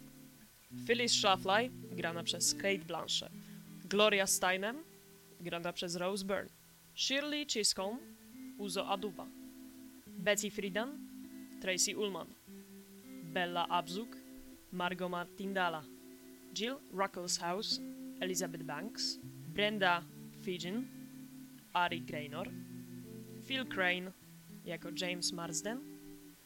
I oczywiście Alice McRae, grana przez Sarah Paulson. I szczerze muszę przyznać, że dziewczyny nie zawiodły moich oczekiwań względem swojego występu. Kate Blanchett, a.k.a. jedna z moich ulubionych aktorek, sprawiła, że bez skrupułów momentami chce się do niej podejść i po prostu zapytać prosto w twarz. Ale o czym ty w ogóle, kobieto, teraz mówisz? Rose Byrne idealnie oddała charakter wyzwolonej Glorii, jej stanowczości, otwartości i zaciętości w dążeniu do celu. Sarah Paulson, grająca jedyną postać fikcyjną, która dostała swój własny dedykowany odcinek, wykonała tak świetną robotę w ukazaniu przemiany psychologicznej i wewnętrznej, w zderzeniu pierwszego stopnia z ruchem, której jej postać była przeciwko i cudownie odzwierciedliła zachowania wyborców politycznych, który w zderzeniu z obiema rzeczywistościami, że po prostu nie da się tego inaczej skomentować niż po prostu wstać i zacząć klaskać. Nie będę nawet wspominać o Adubie czy Ullman. Można to pokwitować tylko jednym słowem. Szacun. Może przejdźmy do wyjaśnienia, dlaczego ten serial według mnie jest troszeczkę inny od pozostałych w podobnej sobie tematyce. Fabuła toczy się w latach 70. XX wieku, konkretnie prezydenturze Nixona, a także częściowo w wyborach Nixon kontra McGovern w roku 1972, wgłębiając się bardziej w demokratyczną część, a właściwie postać Shirley Chisholm, a.k.a. pierwszą afroamerykanką w kongresie, która również ubiegała się o nominację z ramienia Partii Demokratycznej. I właśnie Dlatego wydaje mi się, że jest on dość nietypowy. Twórcy nie przedstawiają przebiegu wydarzeń tylko z jednej strony konfliktu, lecz żonglują między sobą różnymi postaciami, przedstawiającymi niekiedy całkowicie skrajne do siebie postawy moralne oraz polityczne. W jednym odcinku podążamy za Phyllis Schlafly, kobiety z rami Partii Republikańskiej, przeciwniczki feminizmu, poprawki ERA oraz założycielki organizacji Stop ERA, zrzeszającej kobiety przeciwne wprowadzeniu tejże poprawki do konstytucji. Poznajemy jej rodzinę, jej matkę, która przez nierówne prawa co do prac kobiet oraz wypłacania emerytury po zmarłym mężu traci jakiekolwiek możliwości do swojego dalszego życia. Poznajemy jej męża, aktywistę oraz autora, jej dzieci, a co najważniejsze jej światopogląd i podejście do spraw typu militaria zbrojeniowe względem Rosji. Dla przykładu, jednym z pierwszych jej cytatów, które mogę przytoczyć względem ERA, jest zdanie: Nigdy nie byłam dyskryminowana. Uważam, że niektóre kobiety zwalają swoje niepowodzenie w życiu na seksizm. Fakt, że dosłownie dwie minuty później zostaje poproszona o robienie notatek, a nie udzielanie się w dyskusji, na którą faktycznie została zaproszona, jest dość ciekawym zestawieniem, ale kim jestem, żeby to oceniać? W kolejnym odcinku jednak poznajemy działaczkę Glorię Steinem, wyzwoloną założycielkę feministycznego magazynu Miss, którym segmencie tak naprawdę wchodzimy bardziej w organizację zajmującą się właśnie poprawką ERA, jej promocją, poparciem, protestami i tym podobnym. Z jej punktu widzenia poznajemy działanie ruchu kobiet, a także najważniejsze postacie historyczne Belle Absuk, Belle Friedan, Shirley Chisholm czy Brenda Fagan oraz jej męża Marka. Sama Gloria jest tak naprawdę ikoną ruchu kobiet. Osobą, która w bardzo dużej części przyczyniła się do walki o równe prawa i osobiście widzę jej odcinek jako wstęp do dalszych rozłamów feministycznych, o której wspomnę później. Jednak ten właśnie odcinek jest niejako powodem, dla którego zdecydowałam się omówić i polecić wszystkim tą pozycję. Aby przepchnąć ustawę, a.k.a. przypodobać się republikanom, kongresmenka Bella Absuk gotowa jest zrezygnować z poparcia prawa do aborcji, co oczywiście nie podoba się Glorii. Jedną z najbardziej poruszających tutaj scen jest, gdy młoda kobieta zatrzymuje Glorię na ulicy i prosi o podpisanie artykułu We have had abortions. Gloria pyta się dziewczyny, czy komukolwiek o tym mówiła, na co ta opowiada, że tylko mężowi. Opowiada, że mieli już trójkę dzieci, było u nich krucho z pieniędzmi, a cała procedura odbyła się w zwykłym pokoju hotelowym. Kolejną dość mocną, jak dla mnie, sceną jest wspomnienie Glorii z wizyty u lekarza w Anglii, w których to właśnie przechodziła tą procedurę. Wypowiedź lekarza była właściwie czymś, co najbardziej mnie poruszyło. You must promise me two things. You never tell anyone my name. And second, you must do what you want with your life. Myślę, że samo to zdanie idealnie podsumowuje wagę i znaczenie tej walki. Idąc dalej, ruch kobiet próbował stawić władzę w świetle podejmowanych decyzji, czekając na ich odpowiedź, podając niewygodne dla nich tematy, poruszając kwestie, które mogłyby zagrozić ich stanowisku. Gloria końcowo zgadza się na propozycję Belli na zostanie reprezentantką ruchu za obietnicą poparcia i przepchnięcia prawa zapewniającego bezpieczną aborcję. Odpowiedzią Schlafly było zwrócenie się ku społeczności religijnej i rozdawanie wypieków od organizacji, aby zaskarbić sobie ich poparcie. Tak między wierszami. W następnych odcinkach dowiadujemy się tak naprawdę, że organizacja chrześcijańska jest tak naprawdę bardzo blisko powiązana z organizacją KKK. Chyba wszyscy wiemy, co to jest za organizacja i dalej nie muszę jej tłumaczyć. Przeczytałam w jednym z takich artykułów podsumujących ten odcinek e, dość ciekawe podsumowanie. What is easier to stomach? A love of fresh breads or complete upheaval of the societal food chain you control? Wydaje mi się, że jest to dość ciekawe pytanie, które wszyscy moglibyśmy sobie aktualnie zadać. Przechodząc dalej do odcinka poświęconego Shirley, zagłębić się możemy bardziej w środowisko black feminism oraz problem rasizmu w Stanach na wysokich szczeblach władzy. Już sam początek jest dość znaczący, bo jak wiemy miał być on sfokusowany na postaci Chisholm, lecz otwiera się scenami pani Schlafly i jej organizacji. Można powiedzieć, że jest to bardzo metaforyczne rozpoczęcie odcinka. Jedną z najważniejszych tutaj rzeczy jest to, że sama kandydatka demokratów jest przedstawiona w większości jedynie jako symbol wyzwolenia ciemnoskórych osób i tego, jak daleko mogą zajść. Ale tylko symbolem, ponieważ nawet postacie jak Abzug niezbyt ją popierają ze względu na niską szansę wygranej. Pomimo jednak przegranej i zdobytych jedynie 151 głosów, jej przemówienie jest czymś całkowicie poruszającym. In this country, everybody is supposed to be able to run for president, but that has never really been true. Somebody had to do it first. So I did it. Chcę tylko powiedzieć jedną rzecz. Występ, który zaserwowała tutaj Uzo Aduba, potwierdza jedynie jak cudownie utalentowaną jest aktorką. Przechodząc przez kolejne odcinki, zostają nam ukazane niejako inne odłamy feminizmu. Radical feminism, lesbian feminism oraz liberal feminism. Oprócz tego oczywiście dostajemy komentarz na temat wsparcia mężczyzn w walce o prawa kobiet, dokładniej to odcinek piąty, walkę o prawa osób LGBTQ+, czy umiejętności i sposoby manipulacyjne, które wykorzystywała organizacja Stop ERA, a także sama Schlafly w walce przeciwko ustawie feministycznej. Nadinterpretacja ustawy, na przykład wysyłanie kobiet na wojnę, czy skasowanie alimentów, o czym przekonywała święcie Schlafly. Wykorzystanie własnej niewiedzy, jak i niewiedzy ludzi w dziedzinie na przykład prawa. Dla przykładu tutaj jest wymyślanie spraw karnych działającej na jej korzyść w debacie w odcinku 5. Jej największą bronią jest strach. Sianie strachu w nieznanych i wyolbrzymionych przez nią sprawach.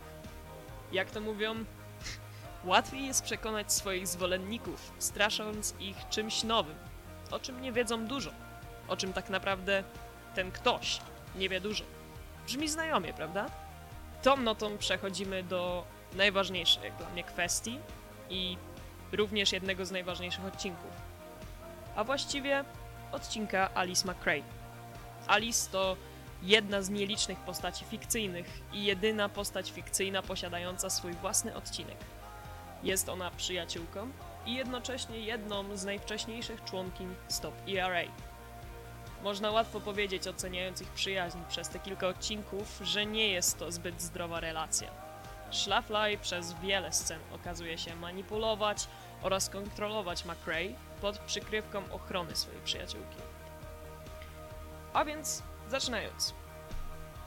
Alice wraz z Pamelą, której mąż znęca się nad nią, wyjeżdżają na konferencję w Houston w roku 1977. Przez cały czas konferencji kobieta dochodzi do wniosku, że jest w bardzo podobnej sytuacji do jej koleżanki Pameli, z tą różnicą, że nie od jej męża, tylko właściwie kogoś, kogo miała za swoją przyjaciółkę. Przez swoją alokację w pokoju hotelowym, który dzieli z aktywistką feministyczną oraz jej córką, poznaje Glorię Steinem. Co ciekawe, wcześniej mówiła, że rzuciłaby się jej do szyi, gdyby ją spotkała, lecz gdy do tego dochodzi, jedynie wpatruje się w nią, stojąc całkowicie zamurowana. Podczas swojej wyprawy do baru poznaje kobietę, z którą nawiązuje bardzo ciekawą rozmowę dotyczącą właśnie jej toksycznej znajomości i tego, jak mocno zatrzymuje ją we własnym rozwoju. Ciekawym jest tutaj to, jak wygląda ta scena. Alice, sądząc po jej mowie ciała, czuje się całkowicie dobrze i komfortowo podczas tej rozmowy. Właściwie to otwiera się do nieznajomej bez żadnego trudu, lecz automatycznie, gdy dowiaduje się, że jest ona feministką, odskoczyła jak poparzona, zaczęła ją obrażać, po czym wybiega z baru. Wydaje mi się, że można to odczytywać jako ciekawą reakcję na to, że tak naprawdę nie jest to reakcja na to, że jest ona aktywistką, lecz była to reakcja na to, że wygląd i zachowanie feministek, które wpajała jej organizacja, jak i Schlafly, jest całkowicie błędne. Następnego dnia możemy powiedzieć, że zaczyna się uwypuklać jej przemiana. Jak na przykład chęć porozumienia się z lewą stroną, o której Schlafly nawet nie chce słyszeć. A wszystko to można powiedzieć dzięki wystawieniu na interakcję z drugą stroną, która bez nacisku ani z jednej, ani z drugiej strony konfliktu pozwoliła jej na zobaczenie pełnego obrazu sytuacji i wyrobienia sobie własnego zdania. Ale teraz pozwólcie, że spojrzę troszeczkę inaczej na ten utwór. Ponieważ oczywiście ten serial, jak i każdy inny, ma swoje wady, jak i zalety. W wywiadzie Gloria Steinem skomentowała swoje podejście do fabuły i interpretacji przedstawionych w niej osób. Jednym z jej najbardziej trafnych komentarzy było to, że twórcy podeszli do tego troszeczkę zero-jedynkowo. Według niej ich głównym przeciwnikiem w porównaniu do tego, co przedstawia nam serial, nie była Schlafly i organizacja Stop ERA, tylko patriarchat, przez które według nich miały rację. Sama skrytykowała to, jak serial przedstawił historię niejako dzieląc kobiety na dwie frakcje, robiąc z nas kompletnych wrogów i przedstawiając to tak, jakoby kobieta była największym przeciwnikiem drugiej kobiety. Sam serial daje również wrażenie, że to sama Phyllis jest powodem, dla którego ERA koniec końców zostało odrzucone. Co tak naprawdę według przede wszystkim jej opinii jest kompletnie błędnym stwierdzeniem. Podsumowała ona bowiem to tak, że nie wydaje jej się, jakoby Schlafly zmieniła jakikolwiek głos w całej walce. And that's it, actually. Nie będę oceniać, która strona miała rację. Nie od tego tutaj jestem. Zostawiam to do całkowitej dalszej, co najważniejsze, własnej interpretacji. Kim jestem, aby mówić, co tutaj było dobre, oprócz samych walorów artystycznych, cudownej gry aktorskiej i przedstawienia faktów, na jaki temat rozgrywa się fabuła. Gorąco polecam zapoznanie się z tą pozycją, która dostępna jest bodajże od kwietnia 2020 roku. Wyszła mniej więcej w ten sam czas, kiedy rozpoczął się pierwszy lockdown. E, to również zajęło mi większość czasu w trakcie zamknięcia. Świetnie spędziłam ten czas, e, dużo emocji, czasami nawet dużo łez poleciało i osobiście mogę powiedzieć, że nie był to czas stresony. Nie tylko jest to dobry utwór, nie tylko jest to dobry serial, świetnie wykonany, ale również opowiadający ciekawą historię, którą pewnie jako Polacy nie zagłębialiśmy się zbytnio, a nawet być może i nie znaliśmy. Ponieważ kto uczy się aż tak mocno o historii USA w szkole? Zgarnęli moje serce nie tylko obsadą, tłem historycznym, ale także świetnym wykonaniem pod względem technicznym. I to tak naprawdę tyle na dzisiaj. Należy sobie zadać takie jedno pytanie na sam koniec tego wszystkiego. Całkowicie podsumowując całą tą historię, całkowicie podsumowując tło historyczne, które ono przedstawia. Należy zadać sobie tylko jedno pytanie. Niby lata 70., ale temat troszkę brzmi znajomo, nie uważacie? Siemanko, tu Kinga i wracam do Was z moim tygodnikiem, a w zasadzie dwutygodnikiem, ale o tym za chwilę. Wszystkie tygodnie wyglądają teraz podobnie i dzień miesza się z kolejnym. Jestem pewna, że też to zauważyliście. Codzienne zajęcia, praca, domowe obowiązki i delikatny brak chęci do życia. Zmieniło się tylko jedno. Ignorowałam samotność i izolację. Ignorowałam nieumiejętną politykę i medialną propagandę. Teraz jednak poczułam się zdradzona. Jakby największy przyjaciel bez słowa wbił mi nóż w plecy. Ja zawsze byłam dobra z historii, ale nie uczyłam się za dużo. Ja byłam zafascynowana Polską, która raz za razem wykazywała się honorem i odwagą. Lubiłam o tym czytać i opowiadać, kochałam oglądać filmy historyczne i wywiady z historykami. Święto Niepodległości czy 3 maja budziły we mnie ekscytację. Zawsze stałam ze sztandarem i znałam wszystkie pieśni i przyśpiewki. A teraz się wstydzę. Przykro mi, że wydarzenia tych ostatnich kilku lat, miesięcy, tygodni, a nawet dni będą zapamiętane i powielane przez pokolenia. Nie mogę znieść myśli, że Polska będzie kojarzona z nienawiścią do kobiet. Nie umiem się z tym pogodzić. Nie umiem pogodzić się z prowadzoną polityką i żal mi, że kiedyś nasze dzieci będą się o tym uczyć w szkołach. Te tygodnie są takie same. Siedzę w mieszkaniu, dużo czytam. Wyłączyłam telewizor, żeby nie słyszeć kolejnych złych wiadomości. Nie kupuję gazet, bo nie zaskoczą mnie niczym dobrym. Siedzę i wszystko to trochę mnie boli. I w tym wszystkim pociesza mnie muzyka. Znacie ten moment, kiedy ulubiony film obejrzeliście tyle razy, że dialogi znacie już na pamięć? Ja tak mam z ekranizacją powieści Anna Karenina z 2012 roku w reżyserii Joe Wrighta. Nie umiem jednak tak po prostu o tym filmie zapomnieć, dlatego nieustannie wałkuję stworzoną do niego muzykę. Dario Marianelli wkradł się w moje serce i siedzi tam nieustannie od kilku lat. Koniecznie wysłuchajcie sobie jego twórczości, bo nie umiem wyszczególnić tylko jednego utworu. Cały soundtrack do filmu jest po prostu niesamowity. A słuchając tych klasycznych dźwięków, warto sięgnąć po lekturę, która pociesza w tym dziwnym czasie i u mnie wybór był oczywisty. Europa jest kobietą Iwony Kienzler. To połączenie historii, skandalu i całej masy potężnych kobiet, które po cichu władały Europą. Oczywistym bowiem jest, że za wieloma dobrymi władcami stały umiejętne kobiety. Historie te rozgrzewają serca i zachęcają do walki o lepsze jutro. Nieważne jak bardzo będziemy ściągane w dół. Ja jestem dumna z bycia kobietą. Kocham nią być i nie pozwolę odbierać sobie podstawowych praw. Koniecznie zerknijcie do twórczości Iwony Kienzler, aby, tak jak ja, nabrać nowej energii do walki. Pożegnać Was mogę tylko w jeden sposób i jest on oczywisty. Pamiętajcie, że to my posiadamy prawdziwą władzę i nikt nam jej nie odbierze. Już za tydzień widzimy się w mojej kryminalnej audycji. Trzymajcie kciuki, abym podołała takiej odsłonie. Ja będę je trzymać za to, żeby Wam się spodobało. Pozdrawiam Was serdecznie. Do usłyszenia.